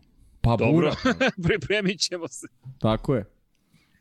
Ja se ponadao za neku klopu, ali dobro, nema veze. Ići ćemo i pa u buru. To, kuka ne, vidi, možda zbog bure bude otkazana trka, pa idemo tako, na klopu. Tako, odmah na klopu, da, da. Super. Vidi, naš kapitan jeste Miksa, ali naš e, zapravo e, direktor e, tima, tim menadžer, jeste, nije Kristijan Horner, već Pavle Živković. Međutim, kako to obično biva, Marfiv zakon, pa je tog vikenda jedine utakmice Lige šampiona u Waterpolu da, su tog pa, vikenda. Ja sam u Kragujevcu, ja sam u Kragujevcu i baš mi je žao, ovaj, da je to smo pričali ovaj, još pre mesec i po dana i stvarno mi je stvarno mi je žao, ali bit ću ovaj, srcem ovaj, uz vas i pratit ću to ovaj, i nadam se da će stvarno biti to... neki link da ću to moći da gledam, zaista to baš će mi biti, ovaj, bit će mi super da vas vidim. Taj, taj spektakl. Pa ne, jeste spektakl. E, uvod u Formulu 1. Da ti kada kažem, stvarno sam, stvarno sam ponosan što, što, ovaj, što smo toliko ludi. Pa, ne, ali stvarno, stvarno što, što imate priliku nešto tako da uradite. Stvarno fenomenalno i i ovaj, držim vam fige i onako navijam za vas od srca onako. I ponosan sam, baš vas volim, svaka Pazi, čast. to je jedna Šira priče, hvala ti Paju. da. I mi volimo tebe. Tako je, deki, u isto vreme smo rekli, makar ovde u Južnoj da. Americi tako zvučalo. Ali skromni deki, ja ću da uradim par stvari. Prvo, svi koji ste sada u lajvu ili slušate ili ste čuli, udrite jedan like, jer to, ovo je ono što mi radimo. Iskreni smo ome što volimo i neko nas je pozvao. Klasičan mito i korupcije, vidjet ćete projekta i zašto. Imaju Mixi Talk i još jedan projekat, razumeš, šira je priča i pitali su nas, i kako vam zvuči ovo? No strings attached, ali mi smo bili u fazonu, što kaže, neki dana keca, e, nesvesni u šta se upuštamo, ali možda je tako i bolje. Ali imaćemo najboljeg mehaničara jedno vreme. Ja, ne, opet je počela srska. Dobro, nadam sad se da si slika zamrzla, pa sad, sad, je, sad je full A... sve. sad je sve ali, ali najbolji mehaničar će jednog dana da nam se pridruži, najbolji menadžer ekipe, tako da, ali Lab 76, evo, dve i po godine kasnije ima svoju prvu trku sa brojem 76, a nismo ni zaboravili obećanje koje smo dali kada je reč o motociklizmu. Ove mogli da projekat koji planiramo, ali recimo da jedna poseta Parizu nije bila uopšte uzaludna, naprotiv, pratite ovaj kanal, udrite taj dolar tamo, podržite ekipu i finansijski, sada moram se prebaciti u komercijalni aspekt, patreon.com kroz Infinity Lighthouse, shop.infinitylighthouse.com, inače, inače, za sve koji pitaju za knjigu F1 šampioni, danas bukvalno nije šala, javili su se izdavači i izvinjavaju se što kasne sa updateom knjige. Mi smo već rekli da mi, mi planimo pustimo knjigu i bez update-a, ali su nam rekli izvinite što kasnimo, trebalo bi svakoga dana da dobijemo update, tako da znate da je eto, ako ako je to istina, u najkraćem mogućem periodu će da to biti stavljena tačka i kreće knjiga, da bismo mogli da stignemo, ja se nadam, neću kaže kada, jer sad zavisimo od nekog drugog, ali sve ostalo smo uradili, tako da znate vesele stvari, podržite ekipu, like je najmanje što možete da uradite i da vidite kako se trkamo, posle nemoj da bude nismo se trkali, nego iskusno i, i to je samo početak. Ko zna šta će još garaža 766 da izrodi, tako da znate. A Mixu i Tokio posebno, Tokio posebno pozdravljam. Imaju oni svoj projekat Pajo, nisi ni svestan da si i tu inspiracija bio za neke stvari, ali to je odgovornost gospodina Potkunjaka. Dobro, okej, okay, ajde. Ovaj, nećemo da hvalimo Paju sada, ovaj, ali pričat ćemo o tome. Ali, ima razloga. Nekom drugom, da, ima, pričat ćemo o tome nekom drugom prilikom stvarno ovo što, Jeste, što radite dalje. sledeći vikenda, stvarno, tako sam ponosan na vas i ovaj, wow. kažem, nadam se da ćemo da pričamo ovaj, posle posle te trke da ćemo ovako da pričamo o nekim lepim utiscima i, i nekoj vašoj pripremi za korak dalje. Dobro, ne preteruj sad. Le Mans zove. Tu Nik, da nikad se... ne znaš što, dio po dio, uvijek se Boži, skopi. bravo Boži, Da. nikad ne znaš Da. kako će, Da. kakva se vrata otvaraju, samo treba zakoračiti. Ja, Ko ja, ima- ja sam, ja, ja sam počeo na jednoj maloj Mazdi. Bravo, tako je. Ja sam počeo na jednoj maloj Mazdi u lokalnoj ligi jednoj, gdje, gdje ono, nisam profesionalno radio, već kolega me pitao da li možda pomogneš da šteluješ malo nešto i ni, nisam nikakvih velikih planova imao, ali od, te jednog, od tog jednog dijela je došlo sad do, do 500 milja Daytone 500 i do milja Daytone. 24 sata Rolexa i, i, i, i tako to. Tako, nikad ne znaš, kreneš sa jednim dijelom i nikad ne znaš šta će od toga da naraste. Tako to je, pogotovo, tako je. pogotovo što imate ovo, mislim, imate ove gledaoce, imate toliko ljudi što podržava i to je baš, baš cool je uspjeh da, da, da učestvujete tu i ja ću koliko god bude mogao iz Daytone da pratim, ću da pratim da li bio neki, da, neki puno. stream ili, ili, To. ili, ili neke onaj timing and scoring ili šta god, morat ću da pratim ovaj, Super. da vidim gdje to vaš auto. Samo nemoj da pratiš vremena po krugovima, molim te. Boži, ti si, ti si deo, ti si, ti si deo našeg tima, tako da to se podrazumeva, znaš, da ćeš da, da, Tako ćeš da Dobro. pratiš. Može, Kao što, može. smo, nemoj- kao što smo mi Rolex pratili, a sad ćeš da nam pričaš malo o Da. Rolexu, aj samo da vidim šta je Srki hteo pre toga. Samo sam htio kaže, nemoj Jimmyu da pokazuješ kako vozimo, da mu ne otkrivaš trikove, znaš, u vožnji. Aha, pa da, pa dobro, dobro, sad to, ono, može biti neka teh- tehnička saradnja, tako ćemo zvati.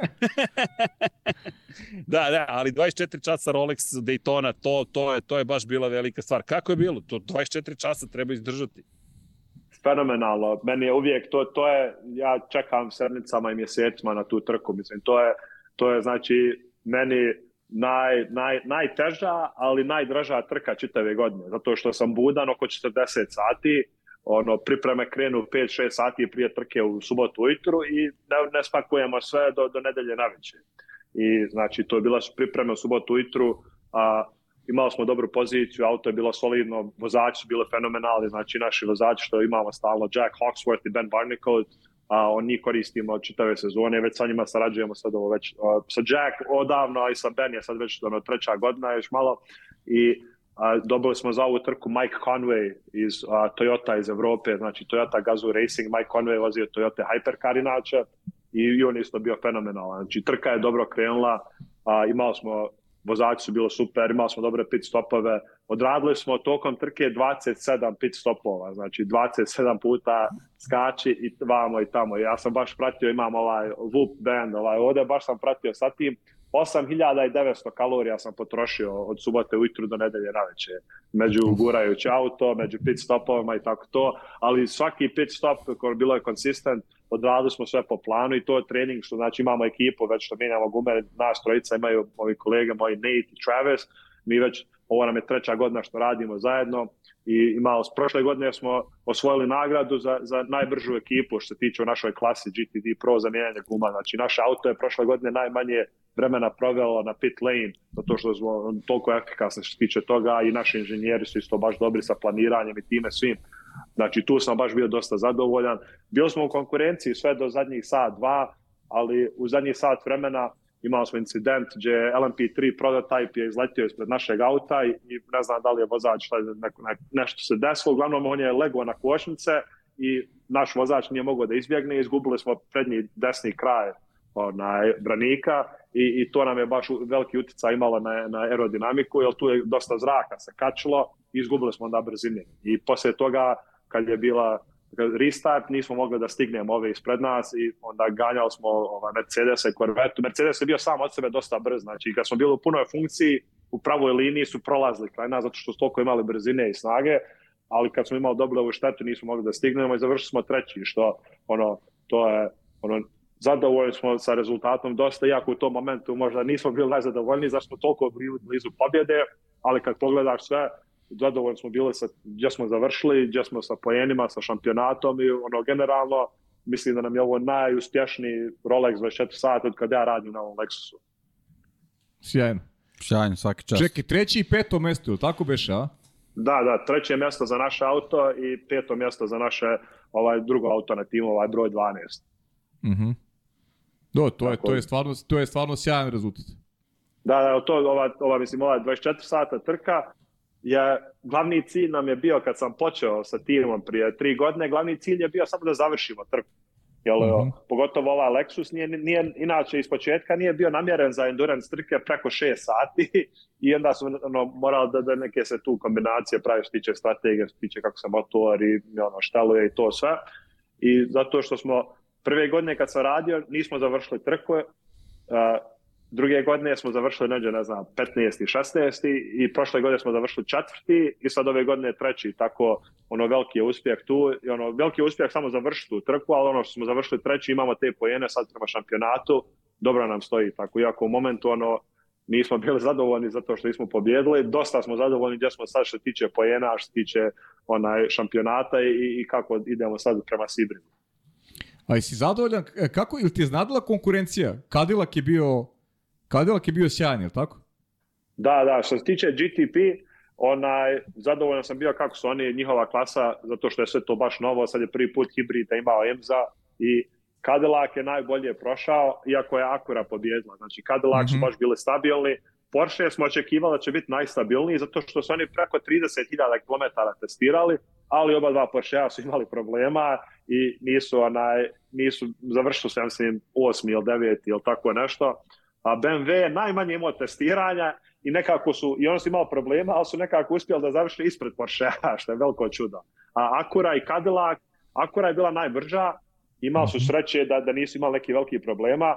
Cadillac je bio najstabilniji, tako bila je tu, ono, borba je bila između Acura i Cadillaca i na kraju Acura izvukla zato što su bili samo brži. Ona. I mislim da će to vjerovatno Imza će ubaciti neke promjene za ovaj BOP, da će malo spustiti snage, ali onaj, Akura baš su pokazali dobro i to je uh, ovaj Meyer Racing, što je čak možda jedan od manjih timova od tih GTP timova, iako su oni podržani od Honda iz fabrike, onaj, to je veliki uspjeh baš za njih i onaj, dosta moji kolega su bili, onaj, drago mi je bilo da vide to, zato što Mike Shank, što je onaj, team principal za Meyer Shank Racing, on je nekako sa nama došao, on je ono od ove mlađe grupe Raje i tako vidjeti njega da ima takav uspjeh i ono osjeća se kao uspjeh za sviju nas što smo od ove mlađe generacije, recimo prema vam ovim drugim nekim, ko recimo Roger Penske ili Chip Ganassi, što su starija generacija mm -hmm. i što već ono dugo vremena pobjeđuju. Tako to je bilo cool malo vidjeti i baš, baš nam je bilo drago da vidimo njega da pobjedi.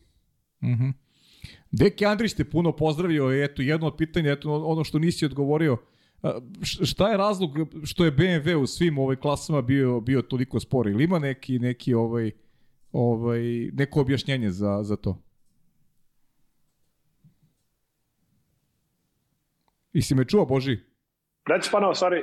BMW, što je BMW? Ja. Deki, Deki Andris te pozdravlja puno i da. pita zašto je BMW bio toliko spor u svim klasama? Pa, što se tiče GTP, BMW kad su radili test na Sebringu, imali su problema sa ovim hibrid sistemom. I oni su planirali mm -hmm. da rade 24 sata test, ali su, mislim, posle sat vremena nešto se pokvarilo i nisu uspjeli da poprave u, u roku ta dva dana što su bili tu, tako nisu imali puno testiranja.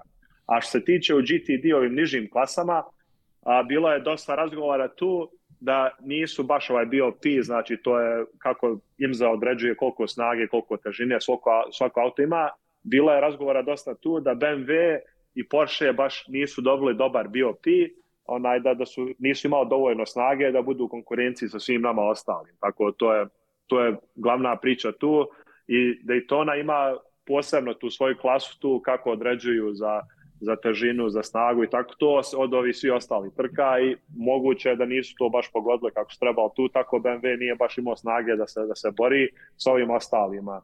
A recimo Mercedes, i Aston Martin i Corvette, on su baš imali dosta snage ovde, mi smo bili negdje na sredini i onda ispod dole su bili Lamborghini, a, BMW i, i, i Porsche.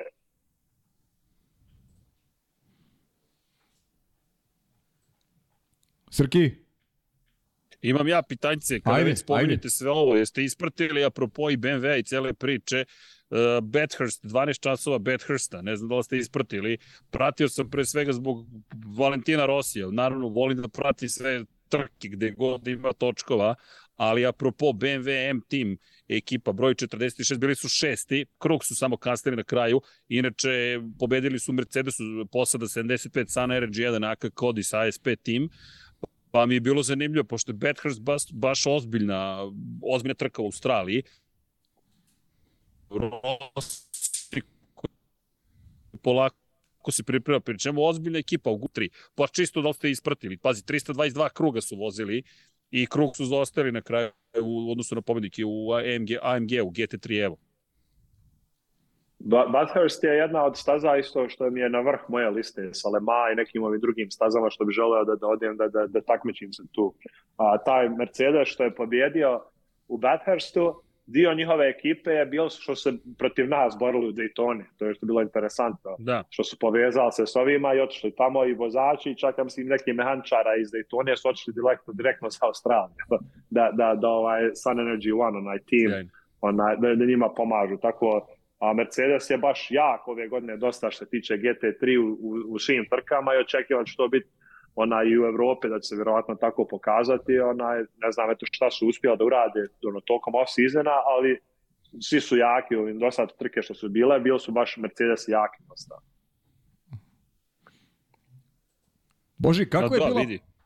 Ajde, kaži, izvedi, kaži. Da ne, vidi, kaži. gledam, pazi, gledam ta ekipa, Kenny Hubble, Žil Gunon i Luka Stolt su bili pobjedički tim, ali pogledaš Maro Engel vozi u, takođe u Mercedesu, znaš, ti kada pogledaš, baš ozbiljnih tu vozača ima iskusnih, ali mi, kažem, zapalo za, za oko pratim šta radi Rossi, prosto iz te perspektive. Pa i sad ovo što Vea, znaš kakav je dalje razvojni put. Prosto se, se spajaju priče. Imam utisak da, da, da smo ušli od, u eru totalne povezanosti između svih mogućih sportova. NASCAR ide na Le Mans, Daniel Ricardo će možda da vozi NASCAR, Ford se vrati u Formulu 1, Cadillac dolazi u Formulu 1, Rossi je otišao da vozi trke izdržljivosti, sad je u BMW-u, bio je u Audiju, Ducati koji sprema hibridni motocikl, Audi koji de facto sponzoriše Ducati zapravo, 500 milija Indinapolisa, sve više vozača Formula 1, uživam iskreno, mnogo mi je lepo koliko god s jedne strane da kao, ljudi kukaju uglavnom ili se pozivamo na neka dobra stara vremena, mislim da je super period za, za ljubitelja automotosporta, makar i meni fenomenalno, samo, samo komentar. Da, da, fenomenalno skroz i mislim da sve ide gore i to da svaka, svaka liga i serija vuče drugu ligu i seriju gore i ti vozači imaju želje da, da se učestvuju drugim ligama i drugim trkama i mislim da, da samo ćemo da vidimo da sad ovo raste ovi naredni nekoliko godina. A izgleda da su ovi penzioneri ljubomorni pa se vraćaju. Eto, Jimmy Johnson se uželeo od trkanja. Jenson Button. Jenson Button. Kaži mi, Boži, kakva je bilo, kakva je bila ovaj, atmosfera na Rolexu? Koliko je to ljudi ispratilo onako iza kulise? Kako, kako, kako ti je to sve izgledalo?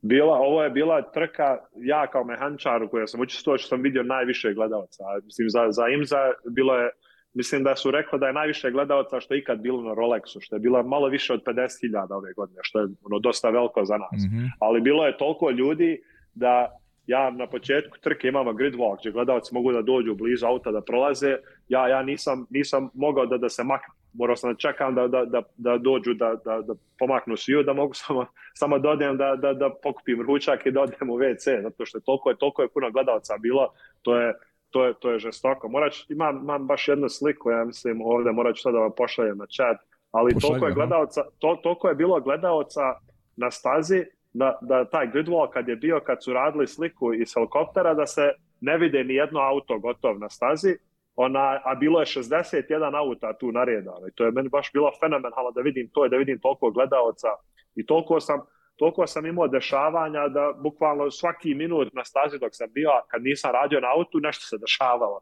zato što toliko, toliko je ljudi bilo i da li je to bilo generalni gledaoca ili sponzora ili koga god, svi su baš ovaj, došli da, da vide šta se dešava i kako ide. Mislim da ova nova klasa, ovi GTP hibrida i ti učestvovanja sad dosta je toga dovelo, ali generalno mislim da motosport raste svugdje i očekivam da vidim na svim trkama ove godine da, da, da počne da rastu gledalci gore.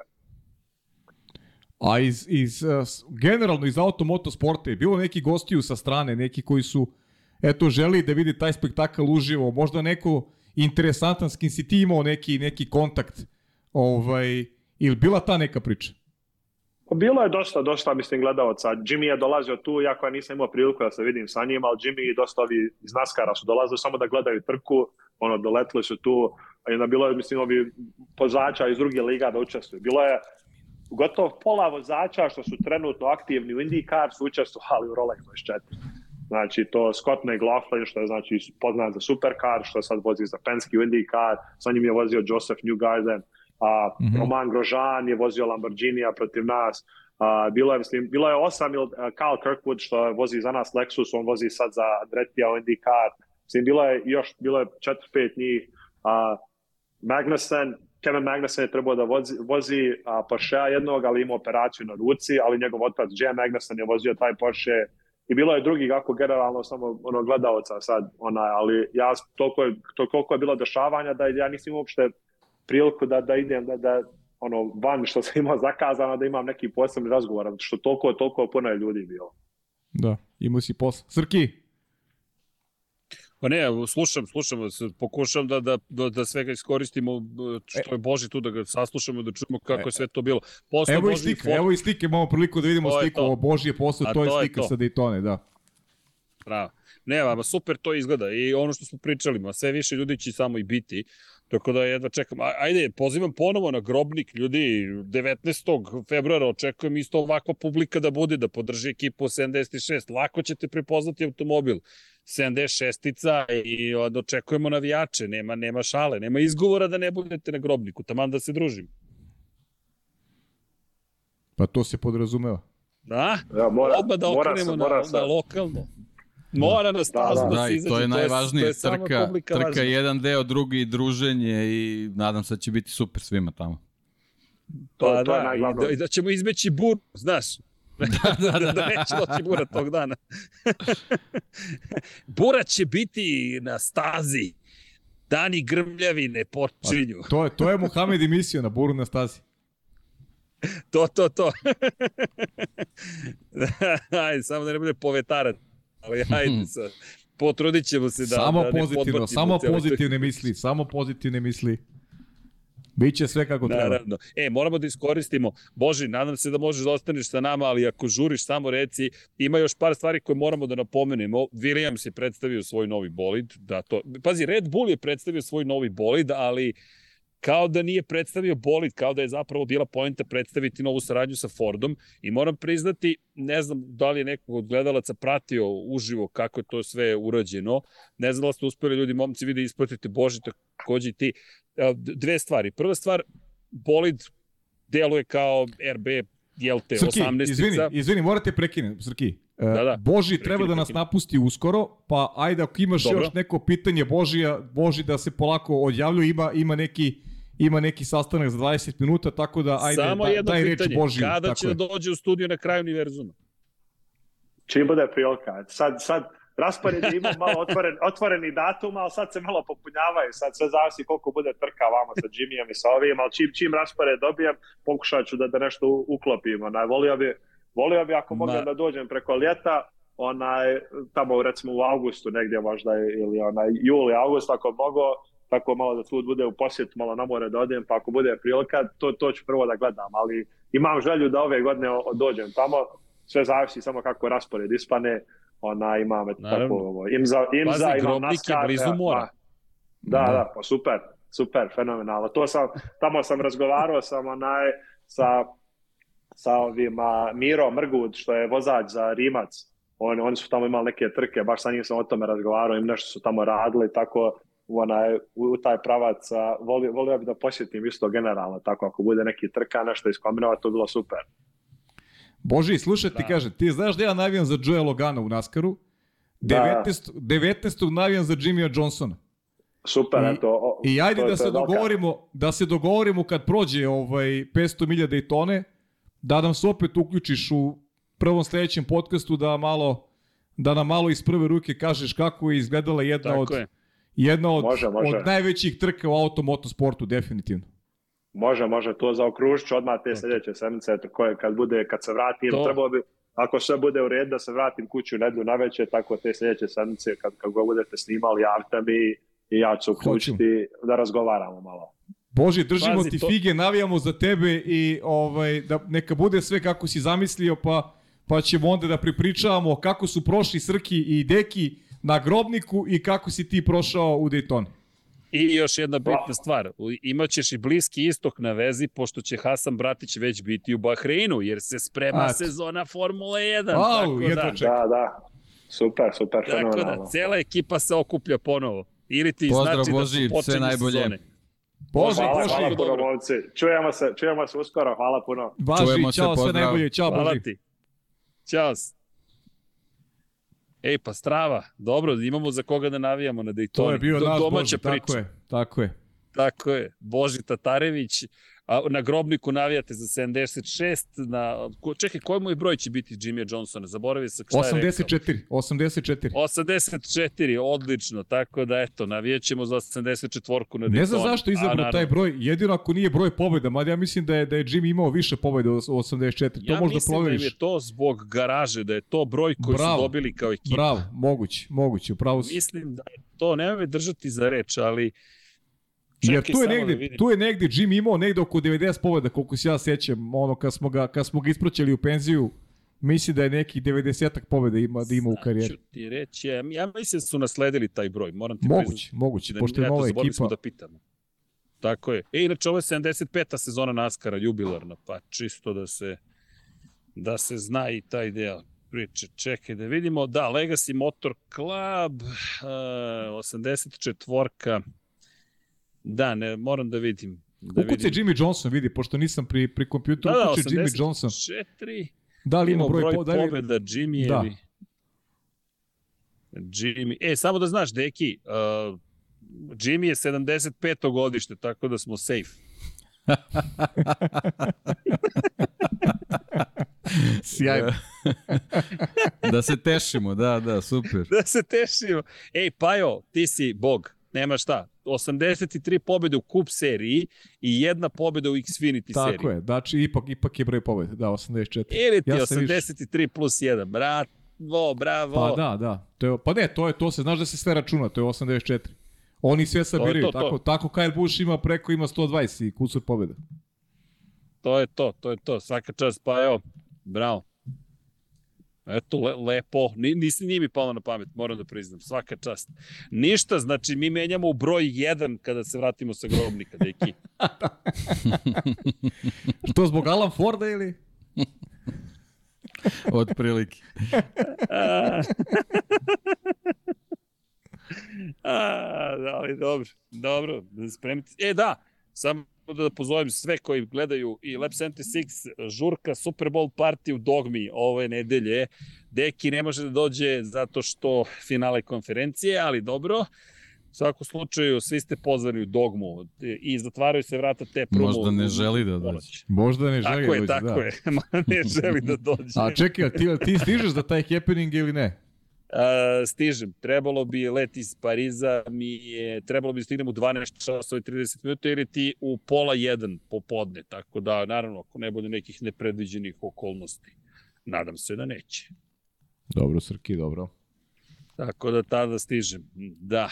I da ne zaboravimo, ljudi, Red Bull, to je ono što ste da kažem, jedna bitna stvar. Dakle, prezentacija u Njurku, očekivao sam uh, apsolutni spektakl. Moram priznati da davno nisam video zapravo čudnije organizovanu prezentaciju i ne na pohvalan način, kao da, uh, kao da je neko radio ko ne poznaje Formulu 1. Niti su voditelji Opet preskačeš, Srki. Preskačeš baš. teleprompter, ali da prema preskačem, a? Baš, a? Da, da. Pa dobro. Ništa Trebali što bi to da kažem. sredite do sutra, ovaj, Sredit baš. ćemo, znaš šta, ne, idem sad u, u, u tržni centar, idem da kupim 20 metara kabla mrežnog i to je to. Da, definitivno mora tako, jer, jer sad smo sad smo u malim problemima, ali dobro, Crki započu u stvari priču, ovaj da. poenta je u, u ovim prezentacijama. Ti si Crki slobodno uključi kad, kad, kad ovaj, misliš da treba, pa ćemo da vidimo ako je veza ok, pa da nastavimo. Generalno, eto, ali dobro, mislim, započeo je priču. Prezentacija da. nije, nije generalno bila u tom nekom duhu Formula 1, ali to, ovaj, to su neke stvari na koje sad već moramo da se navikavamo kad su Amerikanci u pitanju, ovaj, ali generalno očigledno da je, da je u prvom planu i u fokusu bila ta, ta prezentacija ovaj nove saradnje Red Bulla i Forda što se tiče bolida generalno to je ovaj predstavljen samo novih boja koji u principu i nisu ništa novo, ovaj, je. jednostavno bolid Red Bulla manje više godinama unazad izgleda isto sa nekim, nekim ovaj, varijacijama i to generalno i nije okej, okay. mislim, jednostavno pre, prepoznatljiva ovaj forma nešto kao što nam i, i, i Ferrari dugi niz godina nudi, zna se, zna se da, da to treba bude trkačka crvena, tako da Red Bull ima, ima neku svoju prepoznatljivu šemu. Ovaj, Tako da, mislim, tu sad ne treba, ovaj, što se toga tiče, ništa možda ni pretredno da dužimo, pošto smo Red Bull generalno i obradili kroz Ford. Ovaj, meni su mnogo ovaj, više interesantnije prezentacije Williamsa i posebno Alfa Romeo koju smo imali. Što se tiče Williamsa, Ovaj, eto, lepo je, lepo je da je predstavljen, predstavljen bolid. Jedino onako, eto, meni što ponovo upada u oči, to je stvarno taj nedostatak sponzora, jednostavno mm. bolid i dalje izgleda onako, onako siromašno po tom pitanju. Tu, tu se pojavio Golf, ja sam iskreno očekivao da će mnogo, mnogo ovaj, više udela da uzme, međutim ovaj, jednostavno ono što je u Formuli 1 i pravilo, to se ovoga puta pokazalo da je zaista tako, kolika je, koliki ti je prostor nalepnice na bolidu, to otprilike i predstavlja koliko se novca uloži u čitavu priču i ono kao što čitamo ovaj neke naše kolege upućenije po, po nekim ovaj automobilskim medijima jednostavno taj angažman sa Galfom nije ni približno recimo pokrio novac koji Nikola Latifi donosio zajedno sa svojim ocem, tako da mislim da da Williamsu ponovo prestoji borba osim ako nisu pronašli neki neki čarobni štapić vezano vezano za, za taj bolid i ukoliko taj, taj, ta pogonska jedinica ne bude mnogo, mnogo bolje i usavršenije nego prošle godine, što, što ne znam, nisam siguran koliko njima može, može da pomogne, ali, ali eto, ruku na srce, ovaj, to, je, to je ono što, što mi najviše smeta, bolid lepo izgleda, lepe su boje, mislim, ako to ovaj, ako nešto estetici. može da znači, da, ako pričamo o estetici, to je to, ovaj, ali generalno kao da imamo izbor za mis, ovaj, posebno zbog današnje prezentacije Alfa Romeo, meni stvarno fenomenalno izgleda yes. izgleda automobil ovaj što se tiče pre svega tih boja i, i generalno Alfa Romeo ako, ako je sudeći po komentarima i opaskama ljudi koji su ovaj malo malo bliži sa sa ekipom Alfa Romeo i koji su mogli da razgovaraju s njima ovo što smo videli otprilike nešto što što liči na taj bolid koji ćemo videti ovaj na na na mm. na, na barem na, na, na testiranjima naravno neki neki elementi su verovatno sakriveni ali otprilike možemo da vidimo u kom smeru su Alfa Romeo razmišljali, šta im je bilo najvažnije da promene za, za 23. Znaš kako, Williams, Williams je najbolji primer te surovosti ovaj, nekog trenutka u kome se tim nalazi i generalno cele ove priče koja koju vezujemo za 2026. godinu. Dolazak, tači ulazak novih proizvođača koji nemaju za cilj ući po svaku cenu, nego ući sa adekvatnim partnerom, sa nekim da. ko možda im pomogne da oni promovišu pa, sve brend na pravi izgleda, način. Znaš, generalno tranzicija u Formuli 1 se desila u trenutku kad je Williams bio u tranziciji i jednostavno mm. mnogo koraka su počeli da zostaju u tom segmentu. Oni su razvili neke druge svoje delatnosti, ovaj, znamo da učestvuju u Formuli E sa svojim tehnologijama i tako dalje i tako dalje, ali generalno što se tiče Formuli 1 baš su se našli u raskoraku i sad je jako, jako teško da, da, yes. da uhvate korak. Pa mnogo, mnogo pogrešnih koraka, mnogo, znaš, znaš kako razmišljam sad, da imaju da imaju nekog vozača, recimo, da imaju nekog vozača ko bi možda brend, koji, za koga bi neki brend vezao ovaj, svoje ime. Znaš, sad, eto, glasno razmišljam, recimo Mick Schumacher, pa da pa, tu se ja probudi sam, ideja Porsche. Ja sam tipa onako možda više i kroz neku šalu, kad je se Jos Capito pojavio, da, da, da će Mick Schumacher, Schumacher biti nekako prirodni nastavak te, te priče, nekako ovo sve što se izdešavalo s njim, eto, nekako možda je i dolo od toga da, da je možda i on mogo da pronađe sedište upravo Williams. On, ali... Oni nemaju ni tu da. figuru, da, neku figuru da. vozača koja bi bila mamac za neko proizvođača kaže, aha, ajde da se vežemo, možda je on taj koji može da pogura da pogura naš brend, ali, ali ja, stvarno su negde ovo. napravili silne greške ovaj, u, u poslovanju već unazad, unazad 6-7 godina. Kaži Srki. Uh, pazi ovo, Mick Schumacher. Mick Schumacher će sada biti rezervni vozač ekipe McLarena takođe. Tako je, da. Čak nije ni za Williams kao rezervni vozač, kao opcija koja će možda tu nešto da figurira. Ne. Dakle, deklarisan je kao rezervni vozač McLarena. Williams je bukvalno yes. negde na poslednjem mestu u celoj toj priči. Iako je Vowles, Jane Fowles stigao kao sada, jel te, šef ekipe novi, delo je zaista kao da je najtragičniji tim i najtragičniji organizovan tim, nažalost, yes. tim Williams. Jeste, Baš nažalost, tako je. drugo. Pa Tako nije je. samo organizacija, jednostavno ta, ta količina novca koju imaš u modernoj Formuli 1 diktira ti do, dosta toga, tako da oni su baš, baš su ovaj, kao, kao da su za, zatečeni tom čitavom pričom, ovaj, što mi je onako žao i iznenađen sam zato što su stvarno iskusni, mnogo dugo su bili tu i, i, i kroz porodicu Williams i, i stvarno je bio taj neki prelazni period da su mogli da, da ovaj, da da da ovaj da uhvate taj taj taj priključak, ali očigledno kad se investicioni fondovi pojave to je ti si Srke već pričao kad mnogo ljudi sedne za sto kad priča o tome kad nema kad nema taj neki deo emocije koji je možda potreban u nekim trenucima eto jednostavno se izdešavaju te stvari Da. koje su se desile sa Williamsom i meni mnogo, mnogo žao mislim stvarno bih voleo da ovaj da oni nekako uhvate uhvate korak i da da Williams Da. uskoro bude to što treba da bude sa svojim imenom, ali bit će jako teško. Da, pa e, meni je žao što su propustili priliku da se pozicioniraju 2026. kao značajniji faktor. A mi nemamo ni tu situaciju. Pričamo o novim, o novim, proizvo, o novim e, proizvođačima, pričamo uveliko o onome što će dešavati za 3-4 godine, a Williams ovaj, ne vidimo nigde u nekoj, nekoj perspektivi kao, kao tim koji može da zaozme neke neke pozicije koje, koje se u krajnjem slučaju istorijski možda od njih i očekuju. I to je velika šteta. I zato i Ne- kažem da su tu da je tu propuštena šta? neka šansa da da da urade posao bolje. Moje mišljenje je da njima fali lider, ali bukvalno i to jedan koji mora da nađe još najmanje Pa neka figura, osobu. da, neka neka figura im fali. Znaš, ne nemaju ništa. Mora. Mora da se pojavi. Pazi, Zach Brown, koliko god McLaren još ima posla ispred sebe, je ipak figura. Ja, doveo je Zajdla, Zajdla je sada preuzeo Audi, ok, Zauber, tamo se menjaju stvari, ali meni Waus ne obećava kao snaga ličnosti. Znaš, te treba ti jedan, naravno, da li je prošlo vreme ljudi poput Rona Denisa, ne znam. Pogledam Horner, pogledaj šta je Horner uradio. Pod njegovim rukovodstvom Red Bull je došao do svega ovoga.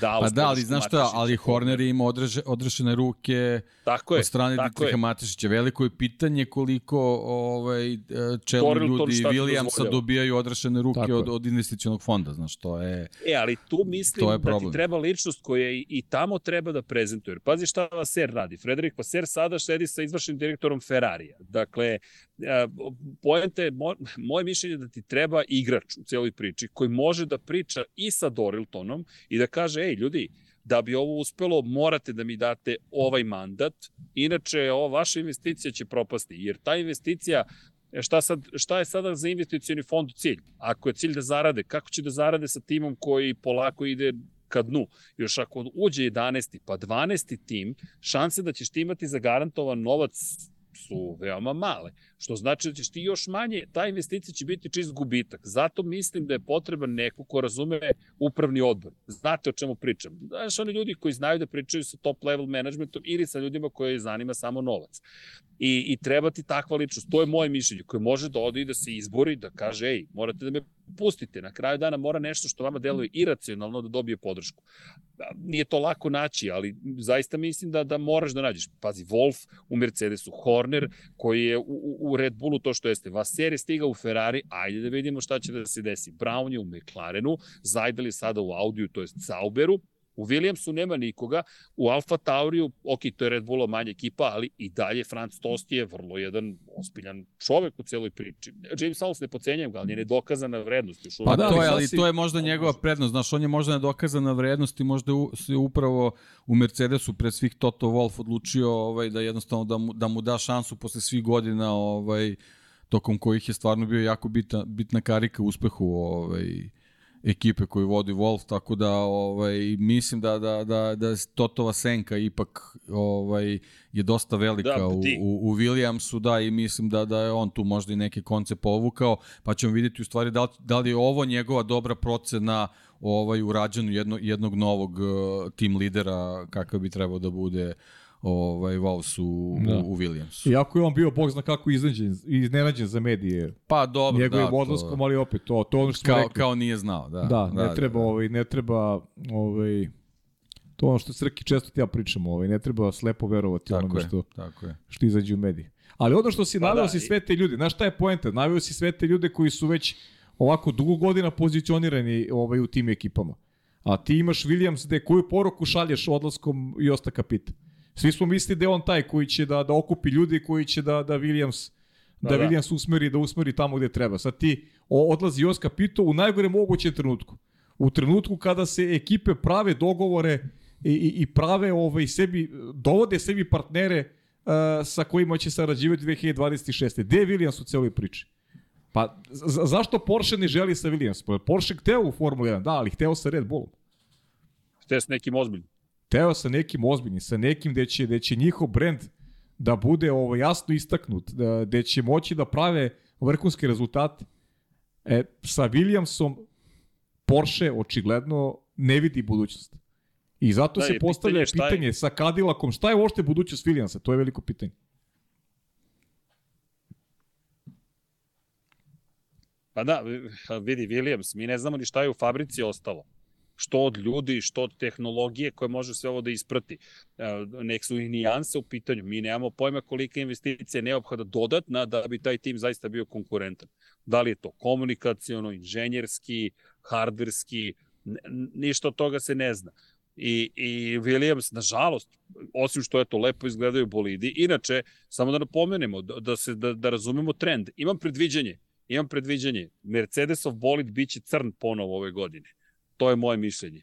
Zašto svi idu ka crnoj boji i svi idu ka tome da nema boje zapravo i taj čisti karbon, to je ugljenična vlakna, gde se štedi gramaža, kilogramaža, ko zna, ti omogućava zapravo da ti dobiješ efektan bolid koji istovremeno je lagan bolid, ali su prelepi, Alfa izgleda spektakularno. I, i još novi sponsor, Stake, i sve to tako dobro izgleda. Meni je ovo najlepša Alfa koju su izbacili na, na, na, na stazu. To jeste, to se slažemo.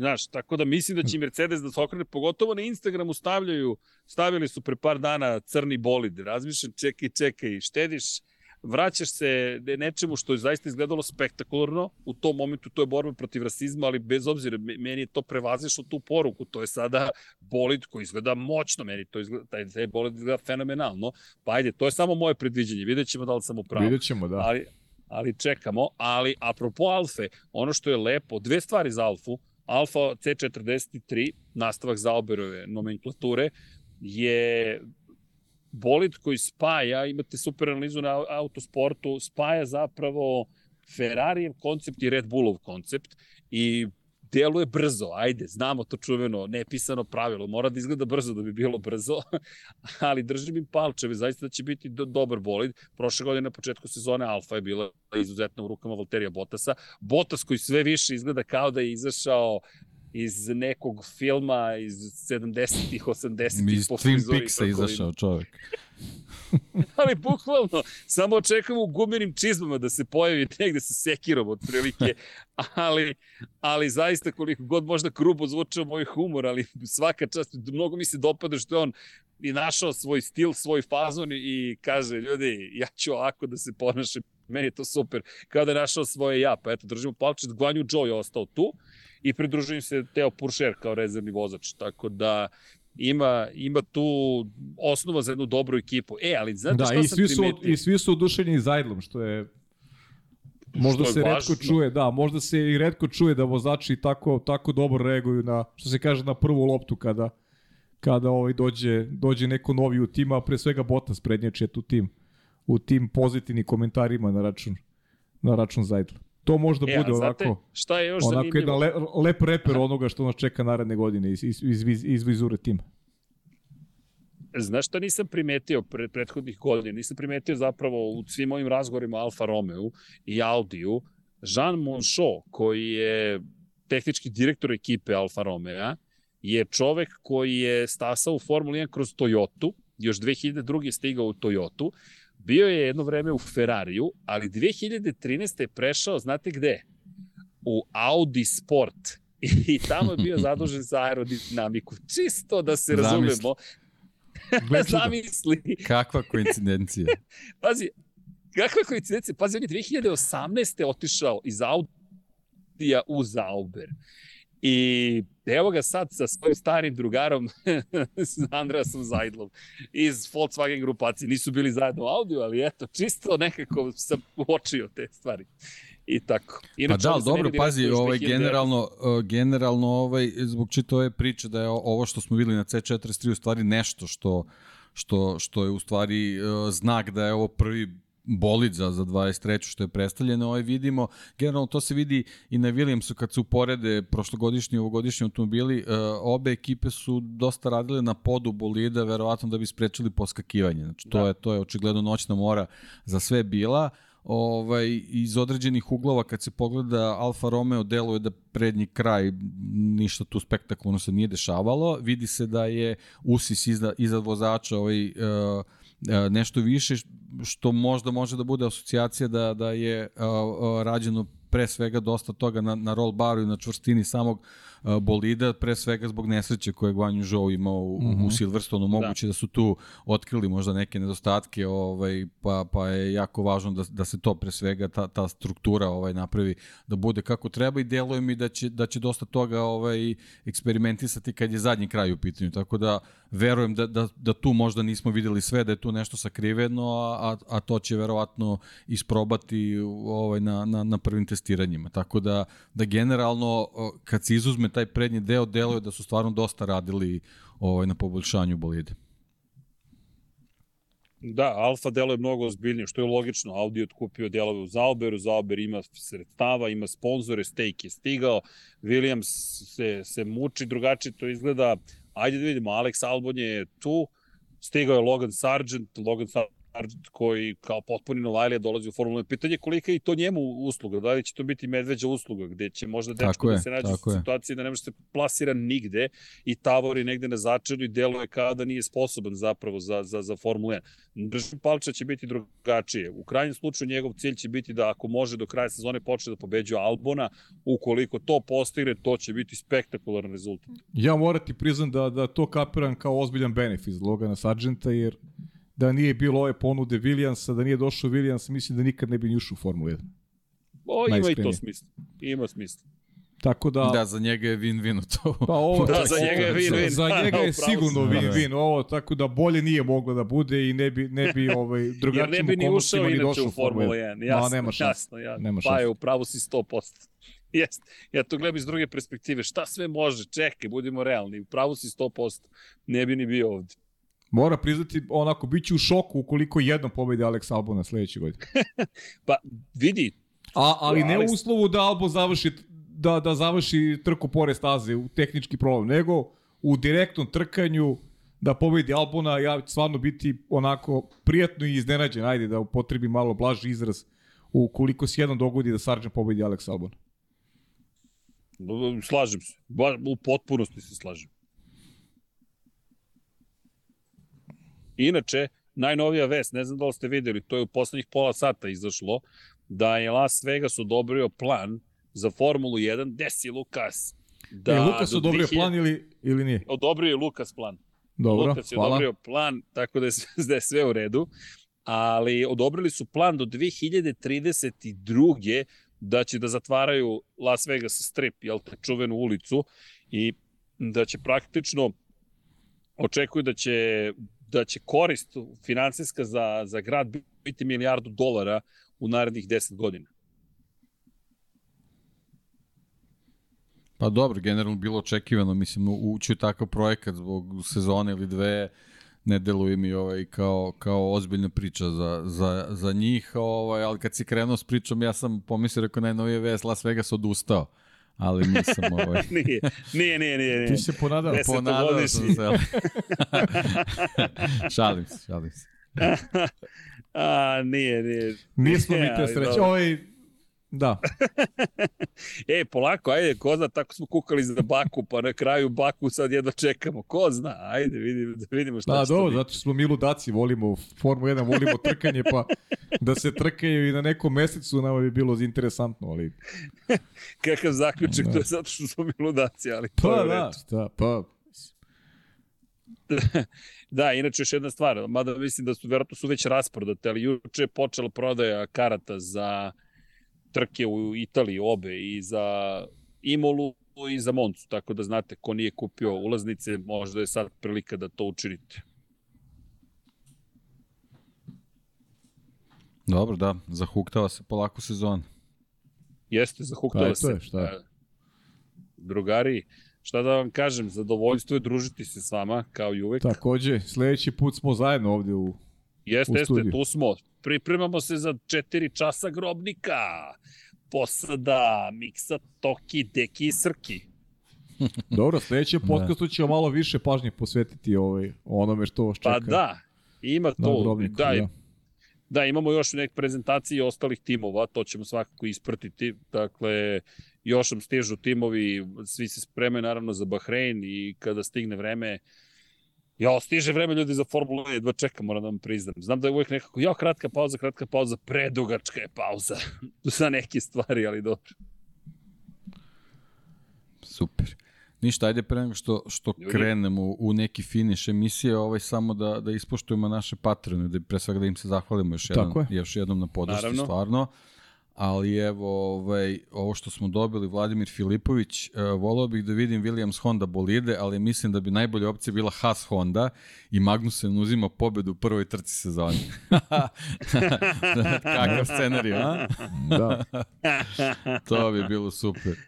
Da. Svako ima svoju neku želju, da. Ba ne, ali generalno, imam ja stvarno, bo- imam ja stvarno ostaje, ostaje da vidimo Honda, u stvari kako će da reaguje na čelu me- situaciju. Meni je da. to najinteresantnije u cijeloj priči. Da, da. Ali pazi sad ovo, pazi sad ovo. Imamo trostruko H. Haas, Honda, Hulkenberg pobeđuje za svoje prvo pobedničko postolje u karijeri. Aha, A, Aha, aha, aha. nemaš kontrolu niste- proklizavanja. Da, ovo niste Srki. znali, ja? Niste ovo znali, ja? Aha. aha. Verovatno je išlo. Pa da, E, čućeš da, ovaj ima- u snimku, da. Na snimku. To... Inače, Mari, meni je zvučalo, a, ali dobro. E, Mario Vidović, pozdrav. Inače, ko želi da postane naš pokrovitelj, sponsor, patreon.com kroz Infinity Lighthouse. Sad znate gde se troše pare, tako što ćemo ići na grobnik, naravno. I tako da znate da ćemo i tamo, jer i to košta, treba kupiti gume, prijaviti se i tako dalje, i tako dalje. Inače, ekipa Mixa i Tokio, oni su rekli sve će pokriti, međutim, mi smatramo da to svi zajedno treba da učestvujemo u procesu, tako da hvala za sponzore. Vidjet ćemo da li, imam neku sad ludu ideju kako možemo da ispuštujemo Patreon, ali to moramo da imamo sa Mixom i Tokijem prvo. Elem, Mario Vidović kaže, pozdrav ekipi, Red Bull odbio Porsche, Zatim sad je objavio da će Ford biti njihov partner, ne oni Fordov, nego Ford njihov. Postaje li Red Bull ili je već postao ekipa u zone najveće, Alpar, dakle rame uz rame sa Ferrarijem, Mercedesom, McLarenom i Williamsom. Nije li malo poražavajuće da potencijalno jedan Porsche ostane bez aranžmana u Formula 1, a Ford dolazi kao partner Red Bulla ili je Red Bull prosto postao brand kao i neki ostali? Pa, Ja o, mislim to, da je Red to Bull- poslednje. To poslednje. To poslednje. Da, da. Red Bull je sada sastavni deo Formule 1. Mi sada već govorimo o tome da su oni skoro 20 godina prisutni, da osvajaju titule, imaju šest titula u konkurenciji vozača, imaju pet titula u konkurenciji konstruktora, imaju, čak i kroz teške godine su bili u Formuli 1 uprko s pretnjama, pobeđivali, bili često ekipa broj 3, ali nekako nikad nisu ispali iz priče ka u ovoj novijoj eri, kao McLaren ili Williams. Naravno, ne postoje toliko dugo, vidjet ćemo šta ih čeka za 20, bože zdravlja, 30-40 godina, ali činjeni, ja mislim da, da, da su oni tu, da je to sastavni deo. Sada, Re- Čak mislim da su oni jedini predstavnici prošlih vremena kao nezavisni konstruktor. Red Bull je taj koji je mogao da bira. I to je to. I, I bukvalno to je to. A Red Bull je u stvari jedini koji je mogao da bira. Za to su se i borili. Tako je.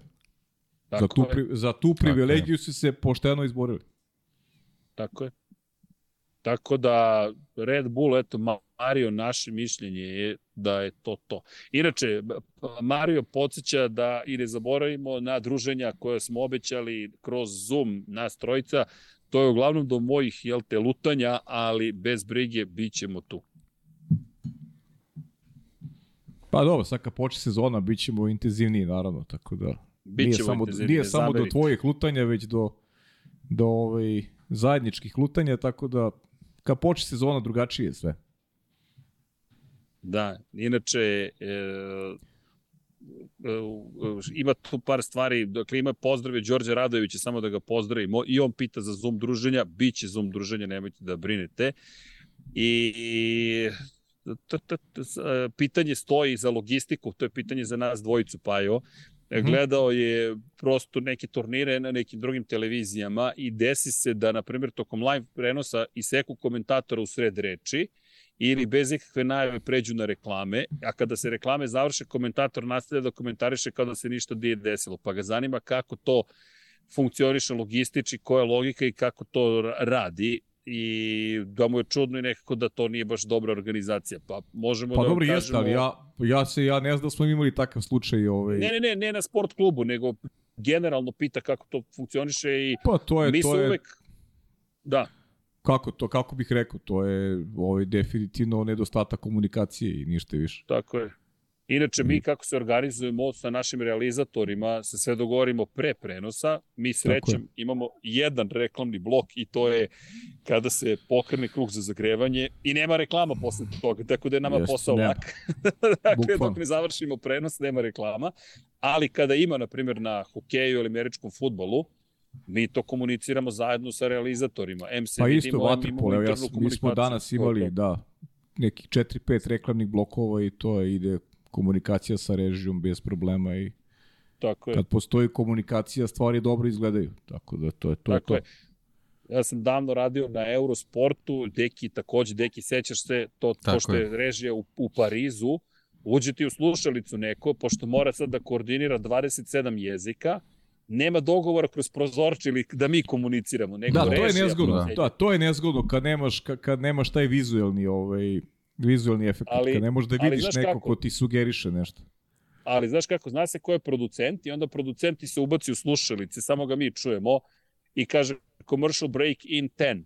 I to je to. Da, Da, da, commercial dobro, da, dobro, i to je 5. okej kad dobiješ kad dobiješ vreme, kad imaš vreme, to je Da, dobro. da, nije to je bilo ba- Kad nije bilo, ni, ranije, nije bilo da. ni konfuzije, baš je jednostavno bilo. Do, Da. dobra, dobra mustra je bila. Da. Ne, konfuzija je kako Da, da. ti neko kaže izađi odmah, znaš. Ti Ne, onda da, si to je- negde to u je sred pravo. rečenice. to se nije dešavalo. To da. su to, je, to su onda stvarno neprijatne stvari, ovaj to su to su ovaj i nisu ni profesionalne, znaš, onda neko mora da se isključi u sekundi da da mu pobegne i misao, da ne zna ni šta je rekao, onda dolazi do do zbunjivanja i svega ostalog, tako da to je to je opet nije profesionalno i to je nedostatak komunikacije o čemu sam pričao. Srki, ja stvarno nemamo tih ovaj Nismo makar imali za sve ove godine ovaj tih Ne, problema. nismo, zaista nismo. Možemo da pohvalimo našu realizaciju eto i i ovom prilikom. Da.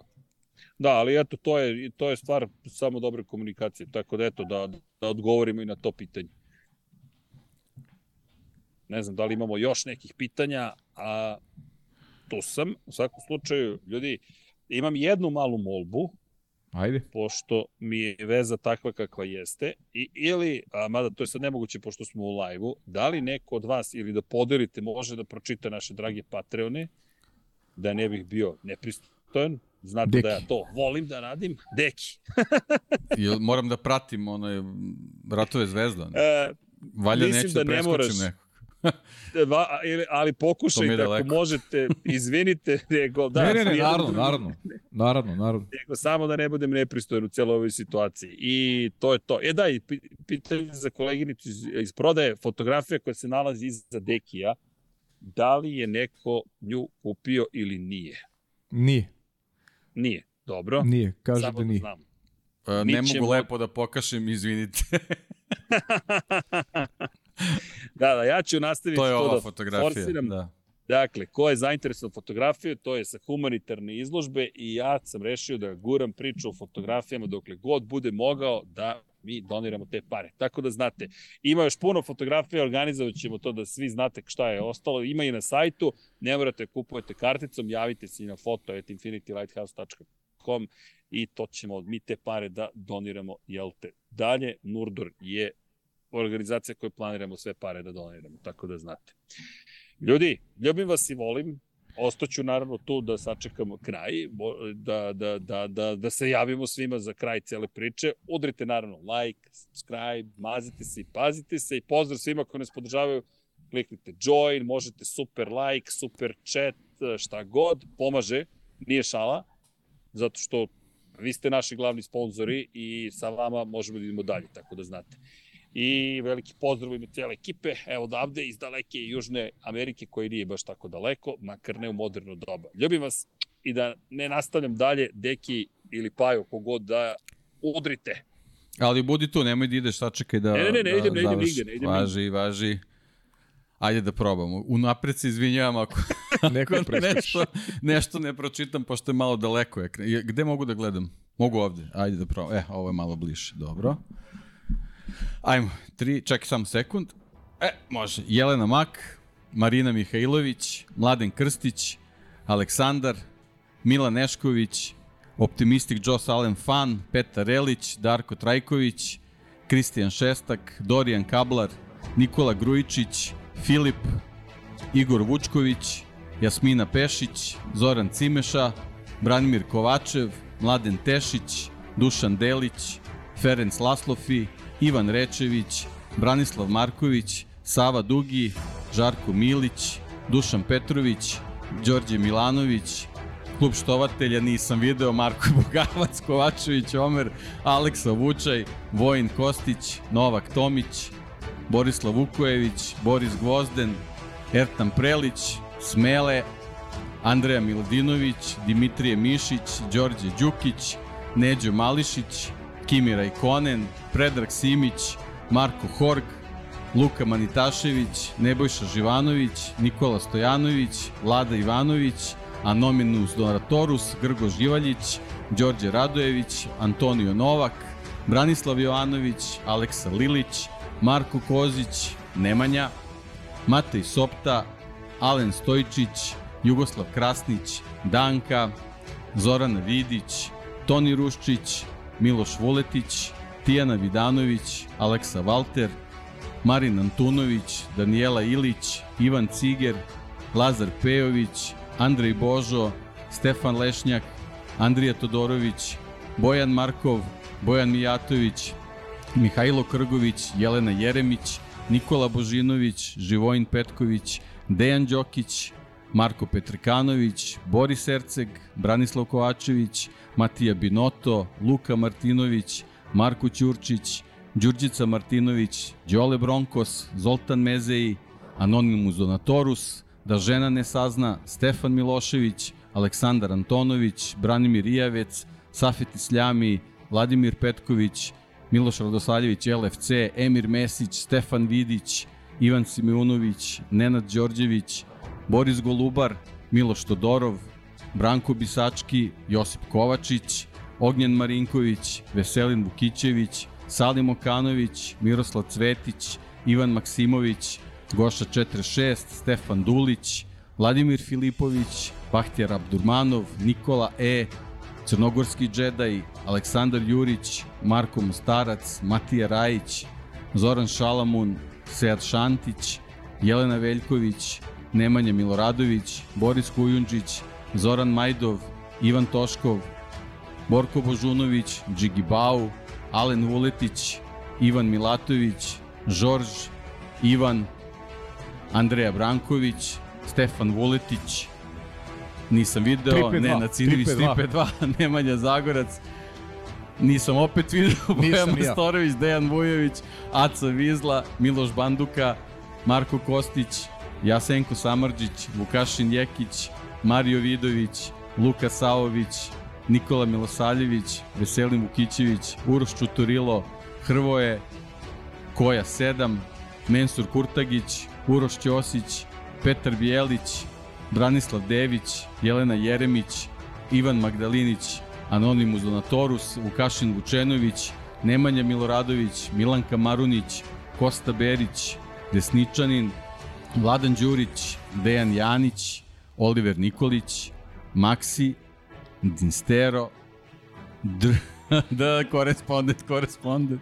Vuk, mnogo je brzo, Ivan Hornjak, bo- bolje ono od 7 minuta. Đorđe Janić, Ivan Božanić, Toni Soni 76, Kro Robi 00, Ljiljana Milutinović, Toleador, Nikola Vulović, Almir Vuk, Ivana Vesković, Aleksandar Nikolić, Marko Stojiljković, Igor Ninić, Bojan Pejković, Marina, Milan Knežević, Aleks Vulović, Aleksandar Kockar, Vlada Ivanović, Marakos, Bakadu, Ahmedin Ahmetović, Nikola Niksi, Drago Veković, Nemanja Bračko, Bojan Gitarić, Nemanja Cimbaljević, Saša Stevanović, Galeksić, Nikola Kojić, Igor Ilić, Nikola Grđan, Ivan Vincetić, Nikola Božović, Milorad Reljić, Mr. Tin, Miloš Tanimirović, Miloš Žed LFC, Alen Jesenović, Voča Pero, Ivan Vujasinović, Sejdo Mujčić, Tatjana Lemajić, Zlatko Marić, Aleksandar P, Pavle Lukić, Nemanja i to je to. Bravo, Dobro, pogrešio sam na 4-5, nije, nije tolika katastrofa, ali, Jed- ali sam se obrukao. Jednu sam ti Obrukao sam se ispravio, novim šiframa, nemojte to više da šaljete. Ime i prezime, molim vas. DG Jesi, Regi, jesi, DG Regi. Regi, dobro. A šta je ono E, prvo, neki to- klub obožavatelja sam ovaj, Jao, omano. A, klubu Štovalaca, štovatelja, Štovalaca, ovog e, to, to, fudbalera, to. ne mogu da se setim, moram da nađem kako se E, zove. I ne, ne, posle To toga još jedno, ja se zapravo. izvinjam svima, a ujedno se zahvaljujem svima. Ovaj Srđan će to da ispravi sledeći put, duplo će da čita. Zbog ovoga, da. Mi, mi, mi ćemo da odemo, a on će, on će da čita celu noć. Može, nema Tamo će problema. doći, Evo, ovde lepo sedne u studio, pogasimo reflektore, ostavimo mu jednu sjelicu. I lagano. A da, on to voli. Naravno da volim, tako da Ko- ko i uživat kad ću da to učinim. tako je. E da, kad smo kod knjiga, ajde još jedna lepa stvar. To nam stiže, ali to je u procesu trenutno. Čekaj da bacim vanji poruku. Ja se nadam da će ovo moći da, da iskoristi. Čekaj da vidim gde je. A, evo ga. A, lepa stvar stiže kada već pričamo o Rolexu i kada pričamo o 24 časa, ajde da spomenemo još jednu priču. Vanja šaljem na Slekić, tako da znaš koliko odmah. Evo ga. Samo da prođe. Jedna lepa stvar. Evo, uspeo sam da pošaljem. Pa ako možeš samo prikaži, molim te, ovo, će, ovo je mnogo lepo. Ne, evo, poručujem mi koleginici iz prodaje da to ne radim, ali ja kažem da, zato što je mnogo dobra stvar u pitanju, tako da znate. Vanja, samo ti udri fotografiju i nemoj ništa da brineš. Ja sam zadužen za glavobolje ljudima. Ali šalim se, nije glavobolje, je mnogo lepa stvar, samo eto da iskoristim priliku, pošto je Rolex odlučio da podrži nešto što decenijama već se objavljuje, ove godine prvi put, evo ga, Grand Prix Guide ili ti, rezultati svih trka Formule 1 ikada, tako da znate, uz podršku Rolexa je uspeo Jacques Deschenaux da je objavi, tražio je sponzora, našao je sponzora, stiže nam 48 primjeraka, to je 51 moramo da zadržimo u studiju, jedan moramo da odnesemo u Narodnu biblioteku, 48 primjeraka smo uspeli da, da obezbedimo, ukoliko nekim čudom ih bude više, potrudit ćemo se, ali eto, tako da znate i to ćemo pustiti uskoro u prodaju. Tu nemamo izbora po pitanju definicije cene, tako da znate, čekamo, u Turskoj se upravo štampaju i stižu nam kada stignu, tako da znate, ćemo sve srediti. U svakom slučaju, eto, da vas obradujemo, tako da znate da stiže zelenih boja. Deki, kako ti izgleda? Pa jo, Super. Pa nekad si rekao tražio sponzora kao da, kao da se jedva snašao. Ovaj, meni ovo ne deluje Da, baš da je tako. pa nije ovo što je sponsor Rolex. Pa deluje mi, da. Onako, šta? ako je u poslednjem trenutku našao, onda svaka čast, super. Da. Lepo, im, Da lepo, nas nauči lepo kako imati, se u poslednjem trenutku traži Rolex. To je Lepo super. imati to, ovakvu to, to. knjižicu. Ne Rolex, lepo Ali- imati knjižicu. Evo za početak Ali je ima majicu u tom fazonu, može ovde jedna Tako je. da se stavi. Bilo bi super. O, Deki, sviđa mi se kako razmišljaš. E, Kruna stiže. Za svaku pobedu koju ekipa Miksa Toki Deki Srki zabeleži da, da, da. specijalno izdanje majice. U, moramo da napravimo specijalne, specijalne majice. Grobnik 2023. 19. februar. Garaža 76. Ne znam samo kad misliš to da uradim, ali okej. Ah, napravit vidi, ćemo. Deki, kao i Pa, uvek, za, vremena za nikada godine. nema. Da, da. Za sledeće godine. Perani ne zna da treba da dizajnira. Evo, za, za za, drugu leto, etap, za za, ono- drugu etapu Jesen zima, ovaj, kolekcije. 23, 24. E, ali- Ej, stigli su duksevi, stigle kape, stižu jakse, Duksevi su, vidi. duksevi su tu. Kako vam se dopadaju? Super. Super. Lepo. Pa- Ljudi, neću da vas zadržavam više. E, Hvala vam kao i uvek i volim vas naravno. I mi, i mi tebe. Ali Deki. Deki je popustio, nije rekao hvala tebi. Nema, ne mogu, brzo si mu na izgovorio grobniku. nastavak rečenice, ja, znaš da ja ne volim da upadam u reč. Ne, kasno, kasno nam dolazi, ovaj, kasno, do, kasno nam stiže zvuk. Ovaj. da, da, Ja, ja brže, ja brže čujem od Deki. Znaš. Imam bolju poziciju. Sjajno. Ništa, drugari, želim vam lep ostatak dana, a Miksa je provalio inače šta planiram da uradim na kolima, tako da, da piše ovde u poruci sakrivenoj, a meni poručuju gledalci da brzine idu u H. A slika je stala, tako da... Biće to sve u redu. Ej, ljudi, hoćemo se pozdravljamo. Ajde, Ajmo polako. ajde. Ajmo. Ej, dobio sam i naučare sada na Ducatiju, sad izgledam kao pravi vozač Moto Grand Prix-a. Ko je naučar? A, te, ja. ja gledam dole u ekran, pa nisam video u pravom trenutku. Znaš šta ti Znači, fali ne samo? postoje veće naučare. Samo, Šta? samo nemaš Ducati, imaš sve. Imaš i naočar, imaš i želju. Samo Ducati nemaš. Evo ga i Ducati. E, vidi, za sve postoji rešenje. Ajde, ništa, morat ćemo Ducati da nabavim. Ljudi, ljubim vas i volim. Pozdrav iz Južne Amerike. Udrite like, subscribe i sve ostale lepe stvari. Momci, hoćemo na ono, 1, 2, 3, pa kao. Ćao svima. Ajde da probamo. Može, ajde. Ajmo. Ajmo da probamo. 1, 2, 3. Ćao svima. Ćao svima.